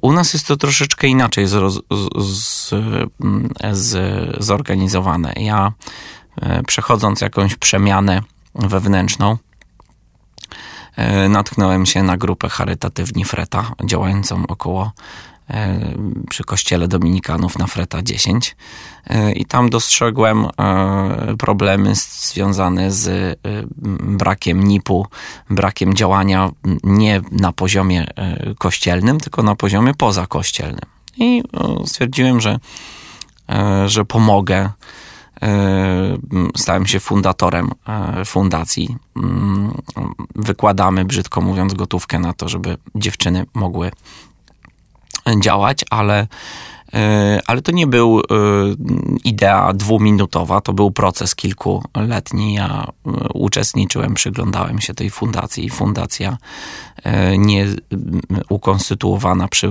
przyglądała się mi. w ogóle myślę, że w takich działaniach ludzie, którzy pomagają przy e, krawężniku, tak nazywam to czasem, e, przy zupie czy przy dzieciach, które potrzebują pomocy psychologicznej, to są ludzie, którzy są bardzo wysoko empatyczni, rozwinięci intelektualnie i często mm, nie ufają biznesowi który jest szybki, e, drapieżny i pozorny. E, pozorny, rozumiem to w tym, że mówi o zrównoważonym rozwoju, a nie ma nic z tym wspólnego. Więc e, wiedząc, że te działania moich już wtedy przyjaciółek mają efficiency na poziomie 98%, i, czyli to nie będę rzucać kwot, bo to są dość duże kwoty, ale, e, ale 98% e, pieniędzy, które zbierają e, dziewczyny lub ludzie wokół fundacji trafia do dzieci potrzebujących. Moja rola była bardzo ciekawa. Ja w pewnym momencie dostrzegłem, że fundacja może się rozpaść lub ta pomoc się może rozpaść i ona potrzebuje ludzie, którzy operują, potrzebują stabilności też. E, to są niewielkie pieniądze, ale po prostu każdy e, działa lepiej, jak wie, że e, każdego miesiąca będzie miał na prąd i na jedzenie, i wtedy może skupić się na pomocy innym. I to jest przestrzeń, w której świetnie się odnajduję do dzisiaj. E, dodatkowo też zapraszam swoich partnerów biznesowych E, z IT do pomocy szerokiej, jeżeli potrzebują, wąskiej lub węższej, jeżeli już mnie pytają, e, jak mogą pomóc fundacji. Wtedy zamieniam się troszeczkę w takiego Janosika i mówię, czy na pewno chcą wiedzieć, tak, a później po prostu żądam jakieś kwoty na fundację. E, oczywiście jest to troszeczkę żartobliwe, później się wycofuję z tego i mówię, że mamy kawiarnię i wystarczy, że ktoś kupi kawę, ciastko lub kanapkę i dochód z tej, e, że kanapki pójdzie na dożywianie e, dzieci. To jest wystarczające. Sama edukacja na temat, jak działamy, w jaki sposób działamy, jest dla nas wystarczająca, więc zapraszam na Dąbrowskiego 30 do Kafe Dobroczynna. To jest takie bym powiedział, komercyjne miejsce, gdzie można się więcej dowiedzieć na temat, jak działamy. No i tyle w naszym, bym powiedział tak, z IT portfelu lub biznesowym mamy ponad 250 dzieciaków w Polsce i e, na Ukrainie. E, no i cieszymy się, że jesteśmy skuteczni. W takim razie, jak już wspomniałeś o y, dobroczynnej kawiarni y, i wspomniałeś o budynku Dąbrowskiego 30, to oczywiście muszę cię dopytać, bo y, ten, ten temat jest też dla mnie interesujący, bo powiedz nam dwa słowa, bo przed tobą leży książka o e, Dąbrowskiego 30, o budynku, który jest waszą siedzibą, jak rozumiem. I powiedz w takim razie dwa słowa, co to jest za projekt, bo to też się wydaje interesujące, bo to również moim zdaniem dotyka obszaru, który moglibyśmy sobie nazwać e, zrównoważonym, odpowiedzialnym biznesem, no bo e, przejęliście budynek, który był zabytkiem w kiepskim stanie, tak?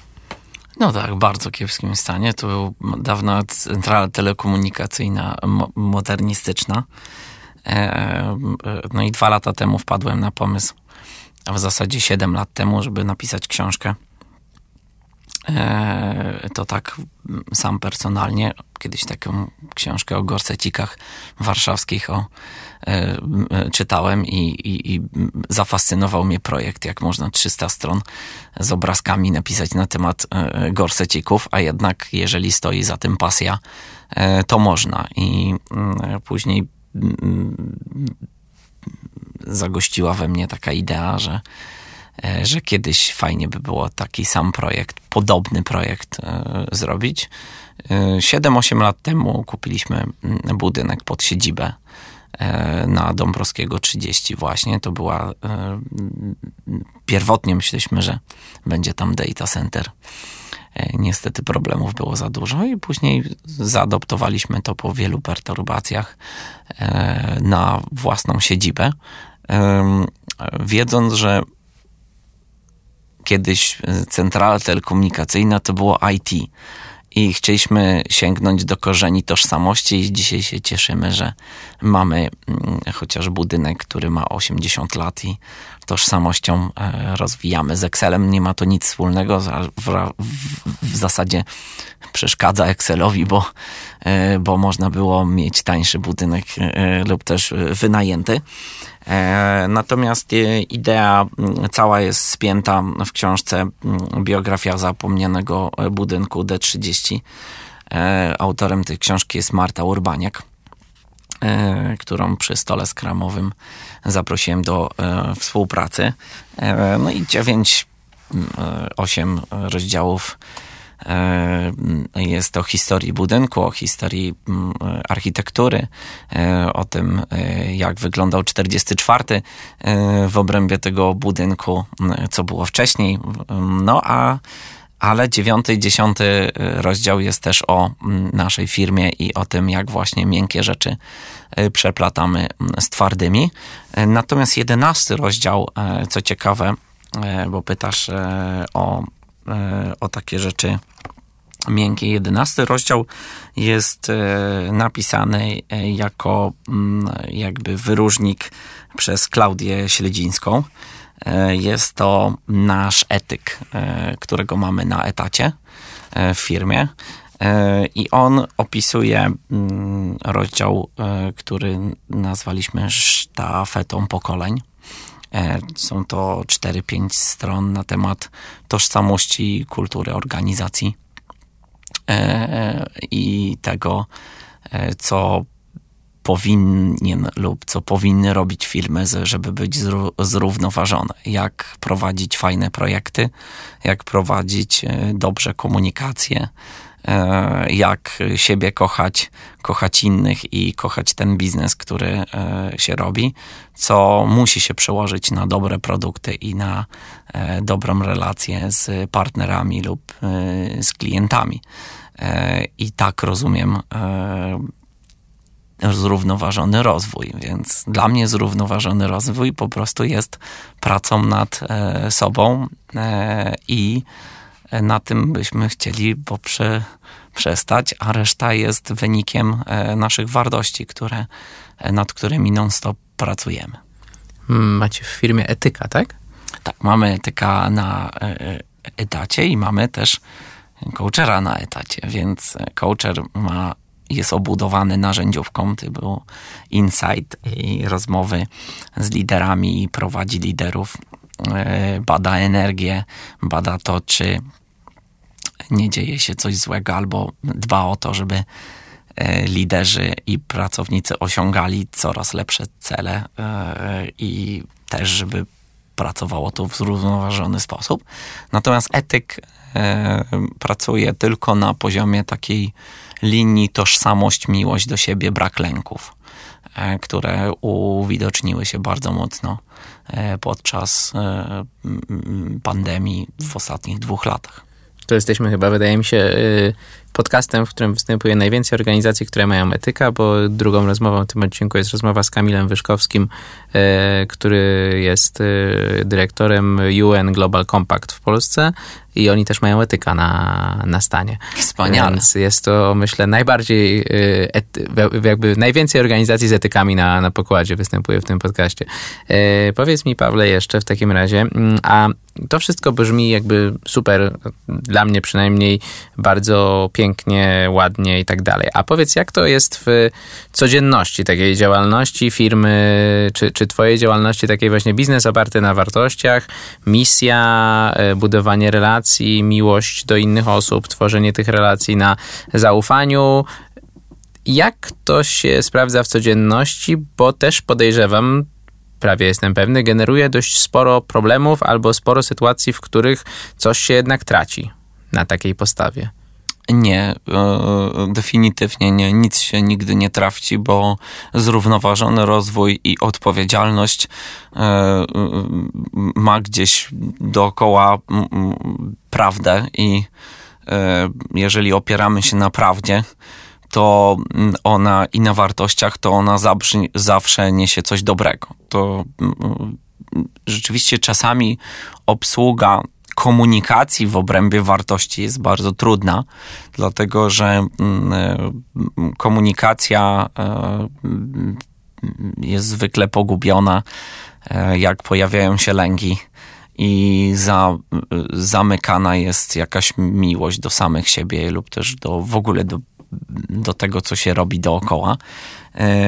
No i w tych natłoku pracy lub prędkości, którą narzuca biznes, pamiętajmy, że od wielu lat, ja bym się tutaj na chwilkę jeszcze wrócił do kilku haseł, taki, takie hasła e, sprzed 10 lat, jak e, performance i to, co niesie biznes wraz z optymalizacją czasu na produkcji, e, to do, do, biznes dociął do granic możliwości. A później weszliśmy w fazę digital transformation i tak jak powiedziałeś, że wcześniej, że są firmy, które skupiają się nad e, tym, co się dzieje w zakresie zrównoważonego rozwoju, to one są przebadane i one osiągają o pięć razy lepsze efekty, na przykład w cyfrowej transformacji. Mm, e, e, no bo mm, za decyzją e, shareholderów, że wchodzimy w jakiś digital transformation, idzie jakaś komunikacja, za komunikacją idzie mm, jakiś poukładany proces. I, i firmy, gdzie, które są skupione na człowieku i na procesie, e, no, mają stół zaufania. Jak mają stół zaufania, to e, są w stanie szybko wyeliminować błędy lub też nawet, e, nawet podzielić się błędami, żeby później ich nie, osią- nie powtarzać i nie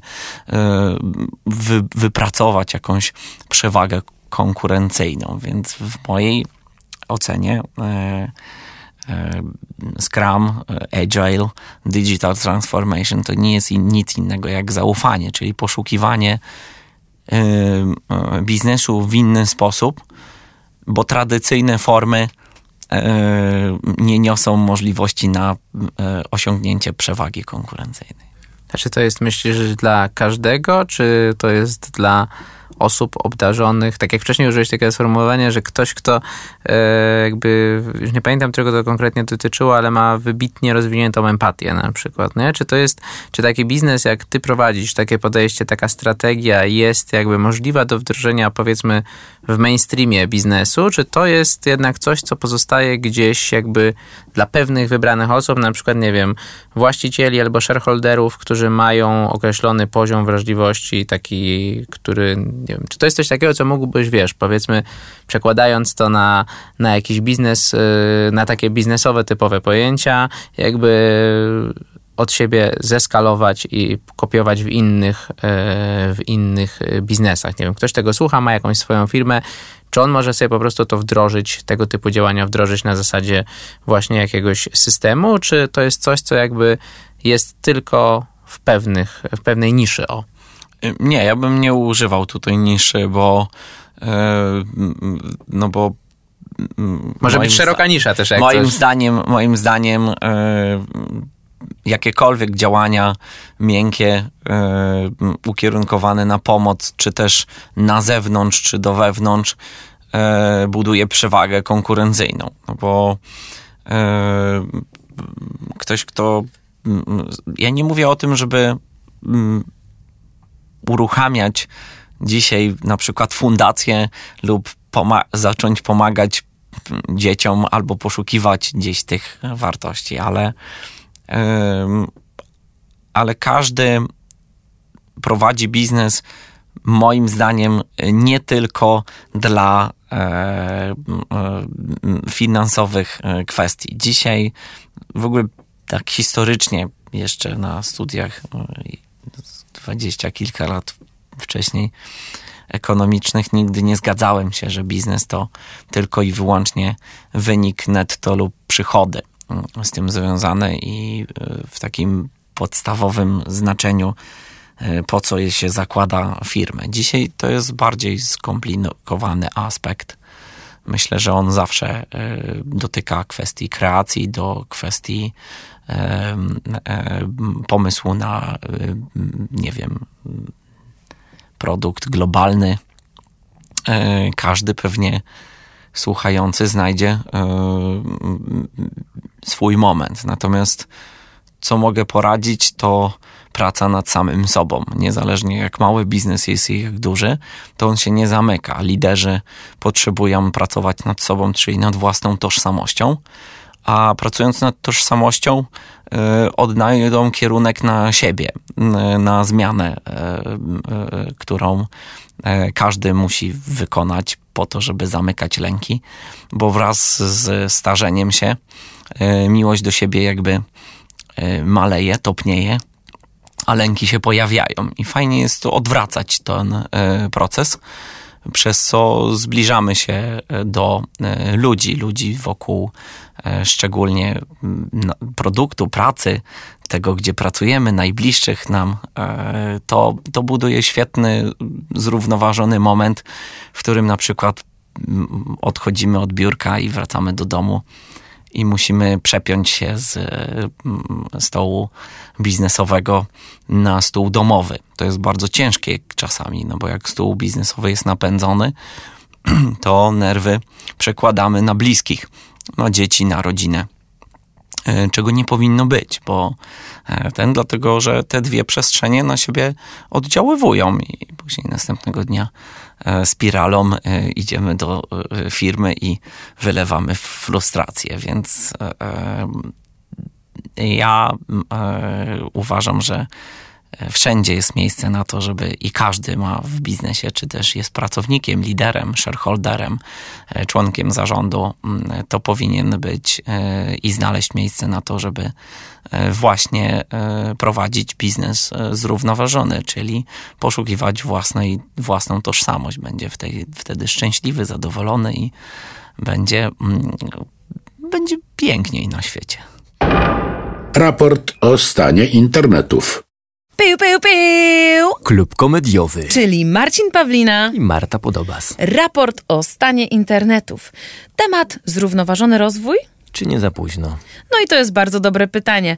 Czy nie za późno? 20 lat temu na lekcji geografii usłyszałam od mojej pani, że jest coś takiego jak zrównoważony rozwój. Firmy dbają o to, żeby się rozwijać, powiększać swój kapitał, nie powodując uszczerbków na zdrowie naszej wspaniałej planety Ziemi. No i teraz warto sobie zadać pytanie, czy faktycznie tak jest. No wydaje mi się, że cię oszukiwała. Mogła mnie oszukiwać troszeczkę. Chociaż nadzieja matką głupich, jak to mówią. No, możemy mieć nadzieję, że coś się szybko y, poprawi, nasz klimat y, jakby się y, nie zdegraduje całkowicie, ale czytając internet, przeglądając raporty i książki, widać, że wcale nie jest tak kolorowo. W klubie komediowym informuje nas o tym Kamil Wyszkowski w spektaklu Taki mamy klimat. No i cóż, ulubiony temat, czyli gotująca się planeta Ziemia, zasoby wodne i to, że ostatnio zaciągnęliśmy dług wodny. Co to znaczy? To znaczy, że pijemy na kredyt. Pijemy na kredyt. To mi się kojarzy z artykułem, który niedawno przeczytałem, e, w którym było napisane, że naukowcy alarmują, że jeśli nie zmienimy swojego podejścia do środowiska, to ludzkość czeka zimny prysznic. Zimny prysznic, w ogóle co to za stwierdzenie? Czeka nas absolutny brak wody, żadnego prysznica. Będziemy jak wróble kąpać się w piachu. Widziałeś kiedyś, jak wróble to robią? Nie. Uroczy widok taki mocno apokaliptyczny. Drodzy Państwo, przyzwy, przyzwyczajcie się do kąpieli w borowinach i w błocie, bo y, to może nas czekać. Bardzo ważnym tematem jest też greenwashing, czyli tak zwana ekościema. Yy, wszystkie firmy zmieniają swoje loga. Tak, na zielono. Wyolbrzymiają jakieś swoje działania, które tak naprawdę nie mają znaczenia. Ukrywają tak naprawdę to, że nie są ekologiczni. Yy, loga na zielono, pisanie, pisanie w green, nie wiadomo czemu na opakowaniu i ludzie myślą, że skoro jest napisane green albo eko, to znaczy, że to jest eko. Nie jest eko, jest taką samą chemią. Jeżeli się nie wczytasz w skład, jeżeli nie zobaczysz certyfikatów, to wszystko jest ściemą. Jest ściemą, ale też trochę podprogowo działa y, na nasze wyrzuty sumienia. Y, staramy się ograniczyć nasze wyrzuty sumienia względem Matki Ziemi. No nie wiem, ja na przykład przestałam używać plastikowych golarek. Y, myję włosy szamponem w kostce. Ale czy tak naprawdę mam wpływ na wszystko? No nie mam. Drogie firmy, ogarnijcie się. Ogarnijcie się. Klub komediowy apeluje yy, i chcieliśmy zostawić was wyjątkowo z piosenką yy, Łona i Weber. Yy, co tak wyje? Co tu tak wyje? Co tu tak wyje tam w tle? To my, drodzy państwo, my wyjemy, więc... Weźmy się w garść. Klub komediowy Marta Podobas. i Marcin Pawlina. Raport o stanie internetów. Korespondenci zakładowi. Dziś goście Bartka Wilima uzupełnią nasz temat o naprawdę sporą dawkę wiedzy i doświadczenia. Co najważniejsze, będzie różnorodnie. Zaczynamy od Ani Gorączki, green officerki w firmie Żabka Polska. Potem oddajemy głos młodemu pokoleniu, czyli Kasi Niemier z Młodzieżowego Strajku Klimatycznego. O współpracy wszystkich w kontekście zrównoważonego rozwoju opowie nam Małgorzata Greszta, inicjatorka kampanii 17 celów, prowadząca firmę CSR Consulting. Na koniec znów wrócimy do biznesu i to o fundamentalnym znaczeniu, bo będzie to głos z sektora bankowego. Porozmawiamy z Jarosławem Rotem, Sustainable Chief Officerem w BNP Paribas Polska. A ja już nie przedłużam, tylko zapraszam Was do słuchania i krytycznego myślenia. Cześć, ja nazywam się Bartek Wilim. Będę rozmawiał dziś z Anną Gorączką, która jest green officerem w firmie Żabka Polska. Cześć Aniu. Cześć, dzień dobry. Aniu, chciałbym zacząć naszą rozmowę od tego, żebyś opowiedziała słuchaczom, czym zajmuje się green officer. Dzięki za to pytanie. Jesteś pierwszy, który je zadaję. E, Green Officer e, w Żabce to jest osoba, która pracuje w dziale strategii. Myślę, że to jest takie pierwsze ważne, ważne, ważna rzecz, która determinuje to, czym się zajmuje. Mianowicie wyznaczam strategiczne kierunki e, dla firmy w zakresie ochrony klimatu. To są kierunki związane z dekarbonizacją czy z cyrkularnością i nadzoruję wdrażanie projektów. Upewniam się, że firma rzeczywiście realizuje założone przed sobą cele i wypełnia zobowiązania, do których się, do, do których się zapisała. Więc i to jest to taka, myślę, że najważniejsza część, która determinuje to, czym zajmuję się na co dzień. Powiedz tak naprawdę na co dzień, z jakimi działami współpracujesz, z jakimi gałęziami biznesu? Pewnie ze wszystkimi. Tak, dokładnie ze wszystkimi. I wynika to z tego, że strategia odpowiedzialności, w której elementem, częścią jest zielona planeta, jest e, integralnie związana ze strategią biznesową. Tak naprawdę to jest jeden z filarów strategii biznesowej. E, co oznacza, że realizujemy strategię biznesową wszyscy. Dział marketingu, dział sprzedaży, wsparcia franczyzobiorców, e, dział techniczny, czy też dział logistyki. Absolutnie nie chcę tu nikogo już pominąć, e, bo, bo tych działów jest pewnie jeszcze dużo, ale fakt, że jesteśmy odpowiedzialni za e, strategię biznesową, za filar strategii biznesowej, oznacza, że to są działania, które są, tak na, które są robione naprawdę. I naszym celem jest działanie, wypełnianie zobowiązań, a nie tylko mówienie o tym. Oczywiście na koniec Współpracuję też z działem Corporate Affairs czy z działem marketingu, żeby opowiedzieć o części tych działań, e, ale tak naprawdę większość tych e, naszych e, działań i zobowiązań to są rzeczy, których normalnie nie zobaczymy, których jako klient szapki, będąc w sklepie, o których się nie dowiemy, bo one są właśnie niewidoczne dla oka. Więc moim celem nie jest kreowanie marketingu, kreowanie PR-u, moim celem nie są wyświetlenia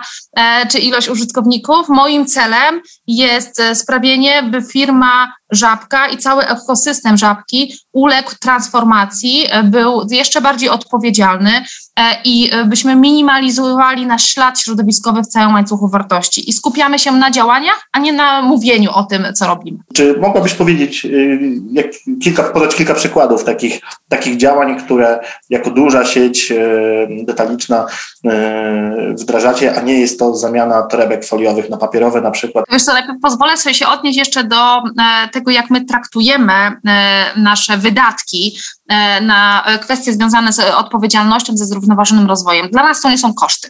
Dla nas to są inwestycje, inwestycje w przyszłość, więc my troszkę inaczej na to spoglądamy i też podejmując decyzje biznesowe, bazujemy nie tylko na kryteriach e, takich, które znamy, ROI, e, EBITDA e, i inne finansowe wskaźniki opisujące efektywność i rentowność wydanych pieniędzy, ale patrzymy także na wskaźniki ESG, wskaźniki związane ze śladem węglowym chociażby.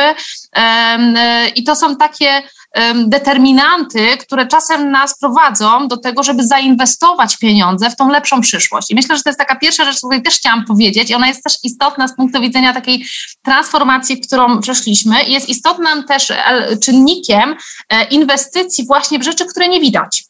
E, bo gdybyśmy spojrzeli sobie tylko przez pryzmat e, kosztów, to absolutnie e, pewnie opłacałoby się robić tylko rzeczy widoczne, którym da się zakomunikować, które, o których da się opowiedzieć klientowi w takiej narracji telewizyjnej, digitalowej. A naszym celem nie jest właśnie tak opowiadanie o wszystkim klientom, ale transformacja biznesu. Jeżeli wejdziemy do sklepu Żabka, a sklepy Żabka wszystkie, wszyscy dzisiaj znamy, to pewnie zobaczymy, tak jak powiedziałeś, że nie ma tam toreb plastikowych, tylko wszystkie torby są papierowe, że są torebki na warzywa, owoce, które są papierowe, a nie ma woreczek, woreczek surewek.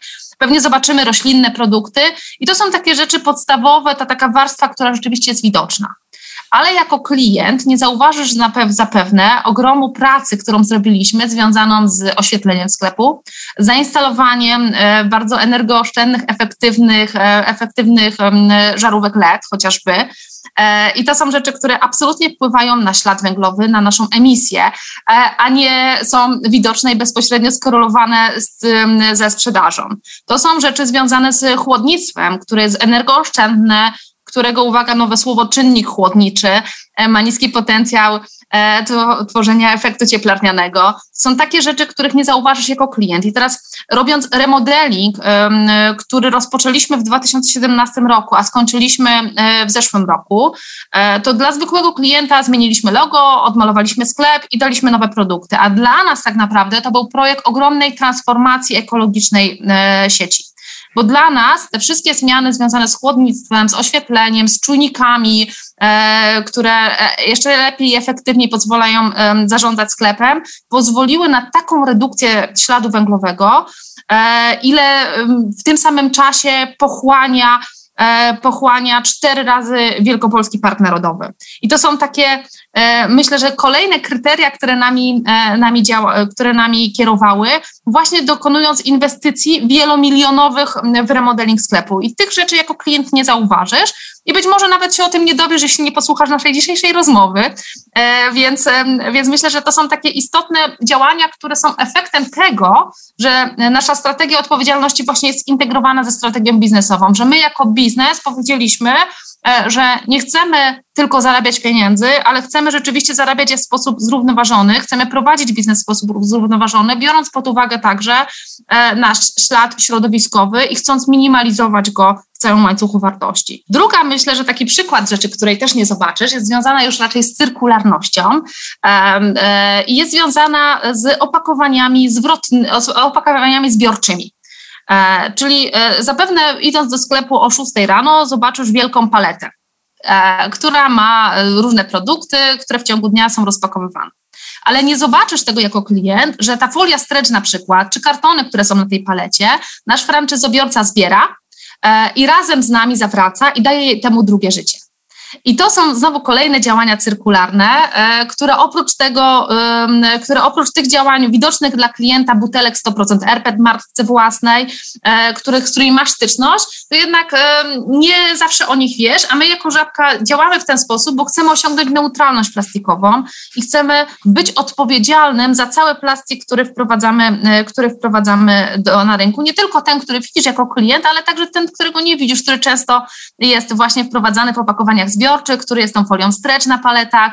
Więc to są takie, myślę, że niesamowite ogromne kroki, wypracowane e, właśnie z wieloma działami firmy, e, wypracowane razem z franczyzobiorcami, e, które no nie mają tego akcentu klienckiego, ale są strasznie istotne, żeby przetransformować biznes. Jasne, myślę, że tutaj tak samo ważna jest też ta zmiana narracji, e, o której wspomniałeś na początku swojej odpowiedzi. E, to jest, nie mówimy tutaj o kosztach, bo to jest jednak obciążone gdzieś tam semantycznie e, i ma raczej wydźwięk no, dla wielu osób negatywny, tylko mówimy o inwestycjach. Więc to jest zdecydowanie też duża, duża zmiana, myślę, myślę w podejściu. E, w Warszawie na, na warszawskiej Białołęce e, otworzyliście taki modelowy sklep, e, jakby w, w, który w pełni wykorzystuje wszystkie nowoczesne rozwiązania ekologiczne. Jeśli mogłabyś powiedzieć w dwóch słowach, co tam jakby poza tym, o czym już wspomniałaś, zostało zaimplementowane? Tak, absolutnie. To jeden z projektów, e, który, nad którym pracowaliśmy znowu z, wielką, z wielą, wielą, wieloma ludźmi z naszej firmy, z działem technicznym, z działem adaptacji. Jesteśmy z niego bardzo dumni, ale nie tylko dlatego, że on rzeczywiście został otwarty w zeszłym roku, ale dlatego, że traktujemy to jako taką kuźnię rozwiązań ekologicznych. Czyli to jest jeden sklep, którym jest rzeczywiście zgrupowane jest ponad 20 różnych rozwiązań, rozwiązań, które są często e, innowacyjne na rynku światowym, innowacyjne na rynku polskim, niekiedy specjalnie dla nas wypracowane i które później w ramach testów e, albo wdrażamy do kolejnych sklepów i testujemy i sprawdzamy, jak to się na większej grupie sklepów sprawdza, albo po prostu wdrażamy do całej sieci. E, I teraz rozwiązania w tym sklepie pochodzą tak naprawdę z czterech takich obszarów, tak, które są związane też z naszą strategią. Pierwszy obszar to jest zielona energia, drugi to jest drugie życie, zielony transport jako trzeci obszar, i czwarty obszar jest związany z czystym powietrzem, czyli jak sobie zmapujemy to, co jest ważne istotne dla klientów i dla biznesu, to, to są właśnie te cztery e, główne obszary. I teraz e, znowu to myślę, że taką narracją, czego widać, a czego nie widać, myślę, że chciałabym tutaj jakby Ci o tym mhm. opowiedzieć więcej. Mianowicie zielona energia. No to to, co widzisz wchodząc do tego sklepu, no to widzisz pewnie panele słoneczne, które znasz też z innych miejsc, panele na dachu. Pewnie nie widzisz paneli na fasadzie, bo one są zielone i są to dość specjalnie e, ukryte, ale na pewno to, czego nie widzisz, to e, nie widzisz też kropki kwantowej, która jest w szybach, w szybach zainstalowana i która też zbiera energię. Wchodząc do sklepu, możesz nie zauważyć, aczkolwiek większość ludzi zauważa, podłogę kinetyczną, w której każdy Twój krok jest zamieniany w energię. E, I to są takie rozwiązania, e, myślę, że pierwsze ważne z punktu widzenia generowania energii. Jest też ławka solarna, e, która często pomaga też doładować telefon, żeby nie stracić łączności ze światem i nie mieć tej traumy tutaj opuszczenia rzeczy, które są ważne efektu FOMO, dokładnie tak. Więc to są takie, myślę, że ciekawe, ciekawe istotne y, dla nas, dla nas rzeczy, które pozwalają nam przygotować naszą sieć i zrozumieć, jak możemy się lepiej zdekarbonizować. Bo po to to testujemy, żeby zobaczyć rzeczywiście, w jaki sposób dekarbonizować sieć. Być może nie zobaczysz także nowoczesnych szaf mroźniczych, e, które oszczędzają ponad 30% energii. E, drzwi żaluzjowe, które, e, które otwierają się, gdy postanowisz sięgnąć po nasze produkty e, do, na, do zjedzenia, do posiłku, posiłki, smoothie, napoje. Więc to są takie rzeczy związane z energią, które w tej chwili, które w tej chwili testujemy i które sprawiają, sprawiają że ta nasza energia po pierwsze jest całości z odnawialnych źródeł, po drugie nie tylko ją wykorzystujemy, ale także ją niejako produkujemy w tym sklepie. I to podejście myślę, że od, pod tym kątem jest innowacyjne. Z energią jest związane czyste powietrze. I myślę, że te czyste powietrze, tutaj mamy dwa takie innowacyjne rozwiązania. Jednego, którego, e, które zobaczysz, bo to będzie ściana z roślin, z roślin, które pochłaniają, e, pochłaniają szkodliwe substancje, ale być może nie zauważysz, że płytka chodnikowa, kostka, to jest kostka pochłaniająca smog, bo jest stworzona z mieszaniny betonu z nanocząstkami tytanu i one mają właśnie takie właściwości, że pochłaniają, pochłaniają pyły.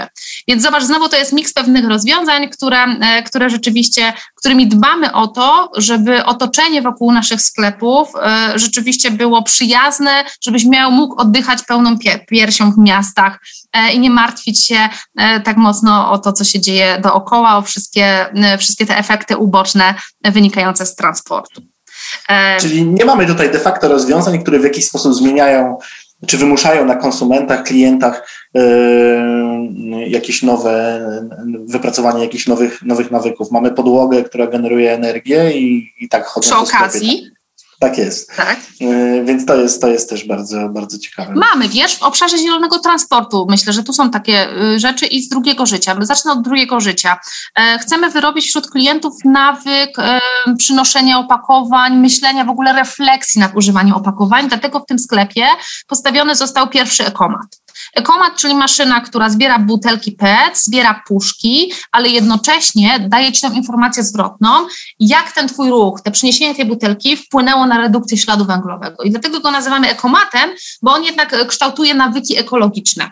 E, więc to jest myślę, że pierwsze takie narzędzie, e, które właśnie ma i uświadomić klientom, jak ich wybory rzeczywiście działają, ale też dać im szansę zrobienia czegoś dobrego. I na tym nam zależało, żeby właśnie klient nie, mógł, nie pozostał tylko z tą wiedzą, ale rzeczywiście mógł zrobić ten swój mały krok e, i zrobić coś dobrego, e, coś dobrego dla, dla otoczenia. I myślę, że to jest taki klasyczny przykład z drugiego życia, poza kasetonami, które są z recyklingu, czy ścianą z butelek PET, gdzie klient mógł swoim działaniem rzeczywiście, e, rzeczywiście się przyczynić do redukcji, redukcji śladu węglowego. Testowaliśmy też w zakresie zielonego transportu stacje napraw do rowerów e, i to jest myślę, że kolejne takie drobne działanie, które wspiera e, właśnie zrównoważony transport. Nie tylko ten samochodowy, bo nasi klienci w większości nie przyjeżdżają do sklepów samochodem, ale jednak przychodzą e, pieszo, przyjeżdżają na rowerze, stąd też chcieliśmy ułatwić im życie i właśnie postawić taką stację napraw do rowerów i wiemy, że to też i wiemy, że to jest jedno, jedno także z dobrych rozwiązań na które też stawialiśmy w tym sklepie i promowaliśmy oprócz tego także e-mobilność, czyli postawiliśmy ładowarkę do samochodów elektrycznych, żeby też wspierać e, tych pionierów e, e-mobilności w Polsce i właśnie na tej mapie ładowarek elektrycznych też, e, też e, zaistnieć, wspierając właśnie zrównoważony transport i te takie lepsze, bezsmogowe życie w miastach. Więc jak widzisz, tych rozwiązań jest strasznie dużo, ale po to jest ich tak dużo, żeby właśnie móc je sprawdzić. I tak niektóre z nich są już implementowane e, do całej sieci. Chociażby, o czym wcześniej nie powiedziałam, w drugim życiu, perlatory, bardzo małe takie urządzenia, które oszczędzają do 50% wody. Zainstalowane na zapleczu, nie widzisz tego jako klient, ale 50% zużycia wody e, masz, e, masz mniejsze, więc są takie rzeczy, które od razu wiedzieliśmy, po pierwszych miesiącach, że rzeczywiście są wartościowe do wdrożenia do całej sieci, czy też szafy mroźnicze, które oszczędzają ponad 30% energii. Już każdy nowy sklep e, żabka otwierany e, taką szafę posiada, już mamy zmianę naszego standardu, bo właśnie na tych sklepach, na tym sklepie nauczyliśmy się, nauczyliśmy się i, i sprawdziliśmy kilka rozwiązań. Niektóre z nich jeszcze są w trakcie testów, testy trwają i będziemy cały ekosklep i jego efekty podsumowywać w najbliższych tygodniach, e, ale fakt faktem myślę, że to jest doskonałe miejsce do testowania, sprawdzania nowych rozwiązań, ale także zawiązywania nowych partnerstw. I o tym wcześniej nie powiedziałam, a myślę, że jest istotne, bo w tym całym takim, myślę, zmianie myślenia, zmianie paradygmatu myślenia, właśnie tak jak powiedzieliśmy sobie, z kosztów na inwestycje, z generowania zysku na odpowiedzialny rozwój, jest jeszcze trzecia myślę, że istotna rzecz, mianowicie nie będziemy w stanie nigdy zminimalizować śladu środowiskowego sami. Tu musimy e, rzeczywiście działać tak, żeby cały łańcuch wartości zaangażować, żeby budować partnerstwa, więc ekosklep jest także efektem na to, że jest możliwe zbudowanie partnerstwa z kilkunastoma firmami, E, które razem z nami właśnie te rozwiązania albo wypracowały, albo nam e, uwierzyły nas, naszemu szalonemu pomysłowi i postanowiły przetestować często pierwszy raz w Polsce. Gdybyś miała mm, spojrzeć na całą branżę y, retailową, jak to wygląda? Bo faktycznie y, ten sklep, ale też tak jak, tak jak mówisz, różne rozwiązania, które nie są widoczne, y, macie ich całe, całe mnóstwo. E, powiedz, czy jest to, jest to trend, czy jesteście faktycznie pionierami? Jak, jak widzisz w ogóle rozwój? W, jak, w jakim czasie możemy się spodziewać jakichś tutaj znaczących zmian też na, na, na całym rynku, które nie będą traktowane jako właśnie takie mm, powiedzmy cały czas innowacje? Zobacz, jaka to jest ogromna transformacja, która za tym stoi. I to była ogromna transformacja, którą żabka nie powiem, że przeszła, bo przechodzi, bo myślę, że to jest cały czas proces. Ja sobie w ogóle lubię myśleć o tym tak, że um, dekarbonizacja um, to jest jakby takim procesem, który trochę nigdy się nie kończy. Nie? To jest proces, w którym starasz się cały czas być lepszy, cały czas redukować swój ślad węglowy, cały czas być bardziej eko, być bardziej cyrkularny. E, I on, i chyba nie ma takiego punktu i momentu, w którym, w którym sobie przypniemy medal i powiemy to już. I myślę, że branża y, zmierza w podobnym kierunku, w różnym tempie oczywiście, jedni szybciej, drudzy, drudzy wolniej, ale zmierza w różnym kierunku. I to, i to mnie osobiście cieszy, bo akurat na, na tym polu, na polu właśnie chociażby dekarbonizacji cyrkularności, te działania razem, działania skondensowane, one mają tylko wtedy sens, jeśli nie tylko jedna firma, ale całe ekosystemy firm będą podążać w tym samym kierunku. Więc I tutaj myślę, chyba, że... przepraszam, że ci przerwę, chyba słowem kluczem jest właśnie to partnerstwo, które gdzieś wybrzmiało w twojej y, poprzedniej wypowiedzi, y, że jakby y, to jest słowo klucz w ogóle w kontekście całego zrównoważonego rozwoju. Mm, tak jak mówisz, samemu trudno cokolwiek, cokolwiek zmienić. Zobacz, na przykład patrząc na, na porozumienia paryskie, na różne cele, cele dekarbonizacji, cele neutralności. Nie można osiągnąć neutralności klimatycznej bez, bez partnerstw tak naprawdę, bez tego, aby namówić cały swój łańcuch wartości do dekarbonizacji. My na przykład jako Żabka też przyjęliśmy taką zasadę, że chcemy zaangażować kluczowych partnerów biznesowych właśnie w działania dekarbonizacyjne, chcemy postawić sobie razem cele redukcyjne. I to jest właśnie te, te, myślę, że klucz do sukcesu, że tu nie można spojrzeć na to, że my to robimy sami, tylko my musimy to robić rzeczywiście wszyscy razem e, w tempie, tak jak powiedziałam, różnym, bo nie wszystkie firmy są od razu gotowe na tak duże e, działania dekarbonizacyjne, nie są gotowe na tak duże poniesienie inwestycji które, które trzeba ponieść, bo to jest zmiana systemu działania, zmiana systemu wcześniej myślenia, potem działania e, i zbudowanie takiego nowego, nowego paradygmatu. Ja tak lubię o tym mówić jako nowy w ogóle paradygmat, bo to, bo to zupełnie nie jest dodanie czegoś, czy zakomunikowanie czegoś, tylko zmiana, zmiana sposobu myślenia.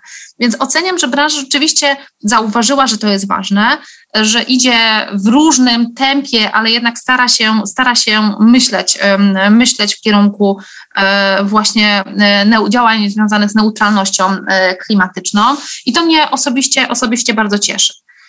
To, co myślę, że jest istotne i ważne, jest takie, myślę, że kluczem też do sukcesu, to to, żeby te działania były policzalne. Każde takie działanie, które robimy, ona ma swój efekt i wydźwięk i wydźwięk i efekt, który jest policzalny. Jeżeli wejdziesz na przykład na naszą stronę internetową, czy pójdziesz do tego wspomnianego jako sklepu, to zobaczysz tam e, dashboard, w którym będziesz widział, że od początku istnienia tego sklepu, od otwarcia, zebraliśmy prawie 55 tysięcy butelek PET w tym ekomacie że zaoszczędziliśmy tyle i tyle śladu węglowego, e, co odpowiada ponad 1300 e, drzewom, które pochłaniają tak naprawdę ten ślad w ciągu roku, więc te gazy cieplarniane w ciągu roku. Więc to są tego typu działa, tego typu podsumowania, które sprawiają, że wtedy jesteśmy w stanie połączyć to z konkretnymi celami i spełnić właśnie zobowiązania paryskie. I teraz Żabka, chcąc być jeszcze bardziej wiarygodna w tym, co robi, podpisała jako pierwsza sieć handlowa w Europie Środkowo-Wschodniej, w ogóle pierwsza firma w Polsce, e, jesteśmy w procesie walidacji do Science Based Target Initiatives. I to jest taka inicjatywa, która właśnie potwierdza, waliduje, że nasze działania i nasze działania dekarbonizacyjne są policzalne, te redukcje są rzeczywiście właściwe e, i e, mają swój efekt nie tylko PR-owy, bo to nie jest nasz cel, ale efekt rzeczywiście e, w minimalizacji śladu środowiskowego. I tutaj myślę, że e, na to branża jest coraz bardziej gotowa i z naszymi dostawcami, z naszymi partnerami biznesowymi też pracujemy nad tym, żebyśmy wszyscy razem działali w tym samym kierunku, ale też żebyśmy policzyli ten efekt. I to jest myślę, że ta drugi etap, e, level advanced bym powiedziała, transformacji e, dekarbonizacyjnej, transformacji, e, którą przechodzimy i którą mam nadzieję branża retail i branża FMCG za chwilkę też będzie przechodzić.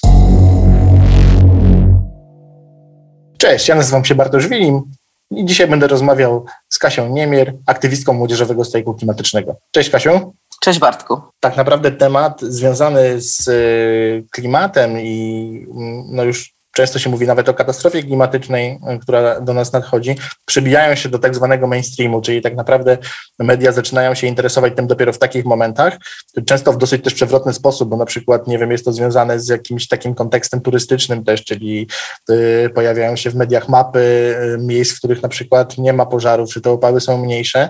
Y, powiedz, dokładnie jakby, mm, co nie zmienia faktu, że temat jest obecny w mediach bardziej, można powiedzieć, że jest y, jakby mm, ta dyskusja y, się toczy mm, powiedzmy nie tak niszowo jak jeszcze kilka czy kilkanaście lat temu. I powiedz, czy cały czas macie jakieś y, trudności właśnie, znaczy jak byś zdefiniowała te trudności w, jakby w przebijaniu się z tymi postulatami wszyscy o tym mówią, a jakby nie jest to do końca traktowane poważnie. Powiedz, ten, tutaj... ten przykład, wiesz Bartku, ten przykład, który podałeś o tej turystycznej mapie pożarów, to dokładnie ilustruje tę sytuację. To jest dla mnie tak jakieś abstrakcyjne i dystopijne, że w momencie, kiedy dzieją się tak straszne rzeczy, myślimy o turystyce. Rozumiesz, mamy zupełnie przestawione priorytety w tym momencie, że w ogóle nam nie zależy na rozwiązaniu źródła tego problemu, tylko tego, co, e, bo nam się urlop popsuje. No, bardzo to jest, e, bardzo to jest trudne do zaznaczenia, że e, ten kryzys klimatyczny, w który już mogę powiedzieć, już jesteśmy, to nie jest tak, że on nadciąga. Musimy się osadzić w nim na stałe. To nie jest tak, że te pożary teraz zostaną ugaszone, tak? Strażacy z Wielkopolski pojechali do Grecji gasić pożary, że te pożary zgasną i wszystko będzie dobrze. To tak nie jest. Bardzo trudno jest e, nam jakoś zaszczepić takie poczucie, że my wszyscy jesteśmy za coś odpowiedzialni, że każdy i każda z nas e, jest częścią czegoś większego, że kolektywnie działając możemy zrobić naprawdę dużo. Nie powiem, nie ułatwia nam tego e, system gospodarczy i też to, jak myślimy o świecie, jak myślimy o gospodarce w kwestii jednostki, że, że to człowiek pojedynczo wszystko zrobi, tak? Ten problem, który nas spotkał, jest na tyle ogromny, że nie jesteśmy w stanie jako pojedynczy ludzie, nie ma na świecie takich superbohaterów, którzy by za całą resztę ludzkości coś zrobili. Więc problem z takim e, przebiciem się e, do, do mediów, choć tak jak wspomniałeś, tych mainstreamowych, nie polega na tym, żeby oni tylko o tym mówili, ale żeby oni też widzieli te powiązania, prawda? że to nie jest coś, że to zrobią jedną audycję, czy, czy pokażą jakieś straszne obrazki i wszystko jest dobrze. To tak nie jest. Media są również współodpowiedzialne za kreowanie tej świadomości w ludziach i wydaje mi się, że w obliczu tak strasznego problemu powinniśmy zrobić jak naprawdę najwięcej jak się da, żeby o tym mówić i łączyć to, pokazać ten związek przyczynowo-skutkowy. I wydaje mi się, że, że ta zmiana, którą należy wprowadzić, ona leży bardzo głęboko. Do niej doprowadzą na pewno różnorakie narzędzia. Natomiast to nie jest taka zmiana, że wystarczy nam jedna deklaracja, wystarczy nam jedna rozmowa. To jest bardziej taka zmiana naprawdę już na poziomie duchowym, systemu wartości. No, trzeba sobie odpowiedzieć na pytanie, co to w ogóle jest ten greenwashing. To jest e, działanie, które poprzez e, projektowanie swojego wizerunku wśród konsumenta i konsumentów sprawia, że firma wydaje się bardziej eko, bardziej zielona, bardziej dbająca. Ale no, przepraszam, no, nowa linia produktów to jest nowa linia produktów i zarobek. To, to że ta jedna linia jest e, ze zrównoważonego źródła, tak, sustainably sourced jakieś materiały, a, a cała reszta tego wielkiego sklepu, tak, jest, e, pochodzi z fabryki, w której wykorzystuje się ludzi, w której ludzie nie mają po prostu żadnej, e, żadnych przywilejów. Co zmienia ta jedna linia? Dla mnie to jest naprawdę e, coś, nie wiem, dla mnie to jest abstrakcyjne, bo jak może w jednej firmie być dział, który naprawdę nie, który nie zajmuje się tym, czy e, środowisko, na które wpływa jest zdrowe, czy, czy ludzie, którzy, którzy tam pracują, są dobrze chronieni i obok tego że taki etyczny, no, no to jest dla mnie coś prześmiesznego. Takie oczywiście słodko-gorzkie, ale najbardziej zastanawiające jest, jak łatwo jest przed konsumentem i konsumentką ukryć te, te prawdziwe intencje, prawda? No bo przecież raczej taki zwykły e, człowiek chodzący do sklepów kupić sobie odzież nie będzie sprawdzał, w co dana firma inwestuje, czy dana firma na pewno e, opłaca swoich pracowników dobrze, czy na pewno dba o środowisko. Nie, zobaczy jedno hasło i już e, widzi, że okej, okay, oni coś robią. Dobrze, że coś robią, natomiast ten ich priorytet jest taki, żeby zyskać nowych klientów, żeby e, dostać e, jakiś przypływ właśnie pieniędzy od ludzi, którzy chcieliby iść tą drogą bardziej etyczną. I znowu zostawia się na tym najsłabszym ogniwie, czyli na konsumencie ten wybór wybór, którego sam przed sobą nie postawił, bo no, powiedzmy sobie szczerze, w wielu sytuacjach ludzie po prostu nie mają wyboru, żeby nie kupić czegoś właśnie fast fashion z jakiejś nieetycznej firmy, czy od koncernu paliwowego, jakieś, które mają ogromne e, w ogóle zasięgi. zostawia się, się te, ten wybór konsumentowi, ale to obarcza się go winą jeszcze za to, prawda? Ile się słyszy przecież, że oddawaj ubrania, jak, jak ich nie, nie nosisz, to, ich, to je oddawaj, super. A gdzie one później trafiają? Zabierają je i trafiają na wysypiska i są palone, tak? Więc e, ukrywa się całą tą winę po stronie firm, koncernów, które produkują te problemy i zostawia się na, na barkach ludzi, to jest skrajnie niesprawiedliwe i, i naprawdę mam nadzieję, że, że mm, mości takiej konsumenckiej za niedługo właśnie zasieje się to, to ziarnko takiej nieufności do firm i będziemy mogli mogły patrzeć bardzo szeroko na wszystko, co robimy, a nie tylko z własnej perspektywy. To jest, to jest to wszystko się kręci wokół jednego, jak widzisz, Bartku, że to skupienie się na jednostce naprawdę nam zamyka takie poczucie, zamyka nam e, jakieś takie osadzenie się w, w tej rzeczywistości i prowadzi do naprawdę e, ciężkich, ciężkich rzeczy.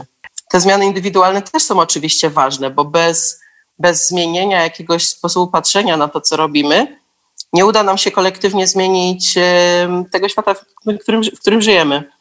Ale e, bardzo ważne dla nas e, z perspektywy polskiej jest właśnie taka szeroka edukacja od, e, od osób, które teraz są w szkołach, po osoby, które ze szkół wyszły, aż po osoby rządzące, no bo nie możemy oczekiwać, że osoby rządzące nagle wymyślą coś wspaniałego, że, że technologia nas uratuje, jeśli nie zrozumiemy, po co my to w ogóle robimy. I, I, takie budowanie świadomości właśnie w strajku jest e, na tyle ważne, że ta, ta energia jednostki, która, e, która wychodzi na ulicę, ciągnie za sobą kolejne i to się uruchamia taki piękny łańcuch powiązań i łańcuch świadomości i, i, i tworzy się społeczność, która naprawdę wie, po co to robi i też przez, przez te ostatnie miesiące, kiedy e, strajkowanie było utrudnione, właśnie doszliśmy do takich wniosków, że bardzo zależy nam na poczuciu wspólnoty, która jest e, ponad tą opresją. I dzięki temu jesteśmy w stanie edukować ludzi z, naszego, z naszego otoczenia, jesteśmy w stanie przekazywać te wartości, które według nas doprowadzą do, do jakiejś zmiany, do polepszenia. I nie potrafiłabym w tym momencie wymienić, co jest najważniejszą działką, jakby w co powinniśmy e, inwestować jak najwięcej naszej energii, bo wszystko po trochu jest ważne. Również technologia jest ważna. To nie jest tak, że, że jakoś jesteśmy oponentami zielonej technologii, natomiast to nie może być tak, że prowadzimy sobie życie tak jak zwykle, mówi się o biznesie business as usual. Nie jesteśmy w stanie tego prowadzić i jakieś remedium na to poszukać, bo to tak jakbyśmy e, plasterek na urwaną nogę przykleili. Tak? To, jest, e, to jest tak szeroki problem, że, że potrzebne jest nam działanie na każdym polu. To jest naprawdę bardzo ważne, żeby zbudować w ludziach takie poczucie sprawczości, bo kapitalistyczny system nam to po prostu odebrał. Tak? Przed chwilą mówiliśmy o tym, że człowiek tak naprawdę nie ma konsument, konsumentka nie ma za bardzo wyboru czasem, a w działaniu taka, taka niemożność jest naprawdę stopująca i, i warto jest, żeby powrócić do tego, że człowiek wspólnie z drugim człowiekiem może osiągnąć naprawdę wiele. Moją gościnią jest dziś Małgorzata Greszta, partner zarządzająca CSR Consulting i inicjatorka kampanii 17 celów. Dzień dobry Pani Małgorzato. Dzień dobry, dzień dobry, witam serdecznie Pana i naszych słuchaczy.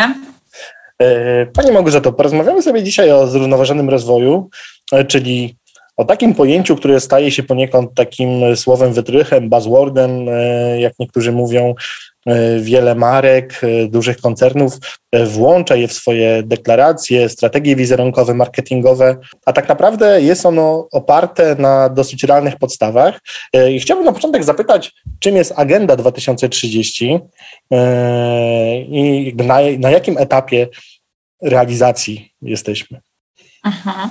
Agenda 2030 to jest e, rezolucja ONZ-owska podpisana przez znakomitą większość państw zrzeszonych w ONZ. E, I jak niektórzy ładnie mówią, to jest taka e, mapa do lepszego świata.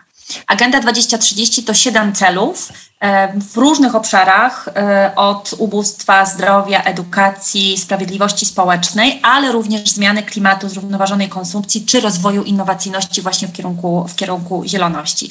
Same cele są dosyć ogólne, natomiast za tymi celami stoi 169 bardzo konkretnych zadań. I te zadania często już są przełożone na cele czy na konkretne mierniki, typu na przykład do 2030 o połowę obniżyć marnowanie żywności na całym świecie. Czyli każdy kraj musi sobie zobaczyć, ile, ile tej żywności marnuje i co zrobić, żeby tą żywność przestać marnować. Y, to, co jest y, bardzo ważne y, i unikalne w tej agendzie, że to jest taka mapa właśnie stworzona dla całego świata, w związku z tym każdy ma pewną rolę do odegrania i to jest taki wspólny plan działania, nie tylko dla rządów, ale dla biznesu, dla organizacji pozarządowych. I myślę, że to jest kluczowe, dlatego że kiedy mówimy o tych wyzwaniach, one są już tak złożone i na tym poziomie globalnym, i lokalnym, czy krajowym, czy już naszego regionu, czy nawet miasta, że działania pojedynczych podmiotów nie wystarczą. Musimy połączyć siły, musimy poszukać nowych rozwiązań i tylko współpraca i takie innowacyjne myślenie pozwoli nam się z tymi wyzwaniami y, zmierzyć. Stąd jeden z celów, cel numer 17 to jest partnerstwo i to jest coś, co powinno przyświecać w tym naszym myśleniu, je, jeżeli myślimy o, y, o agendzie.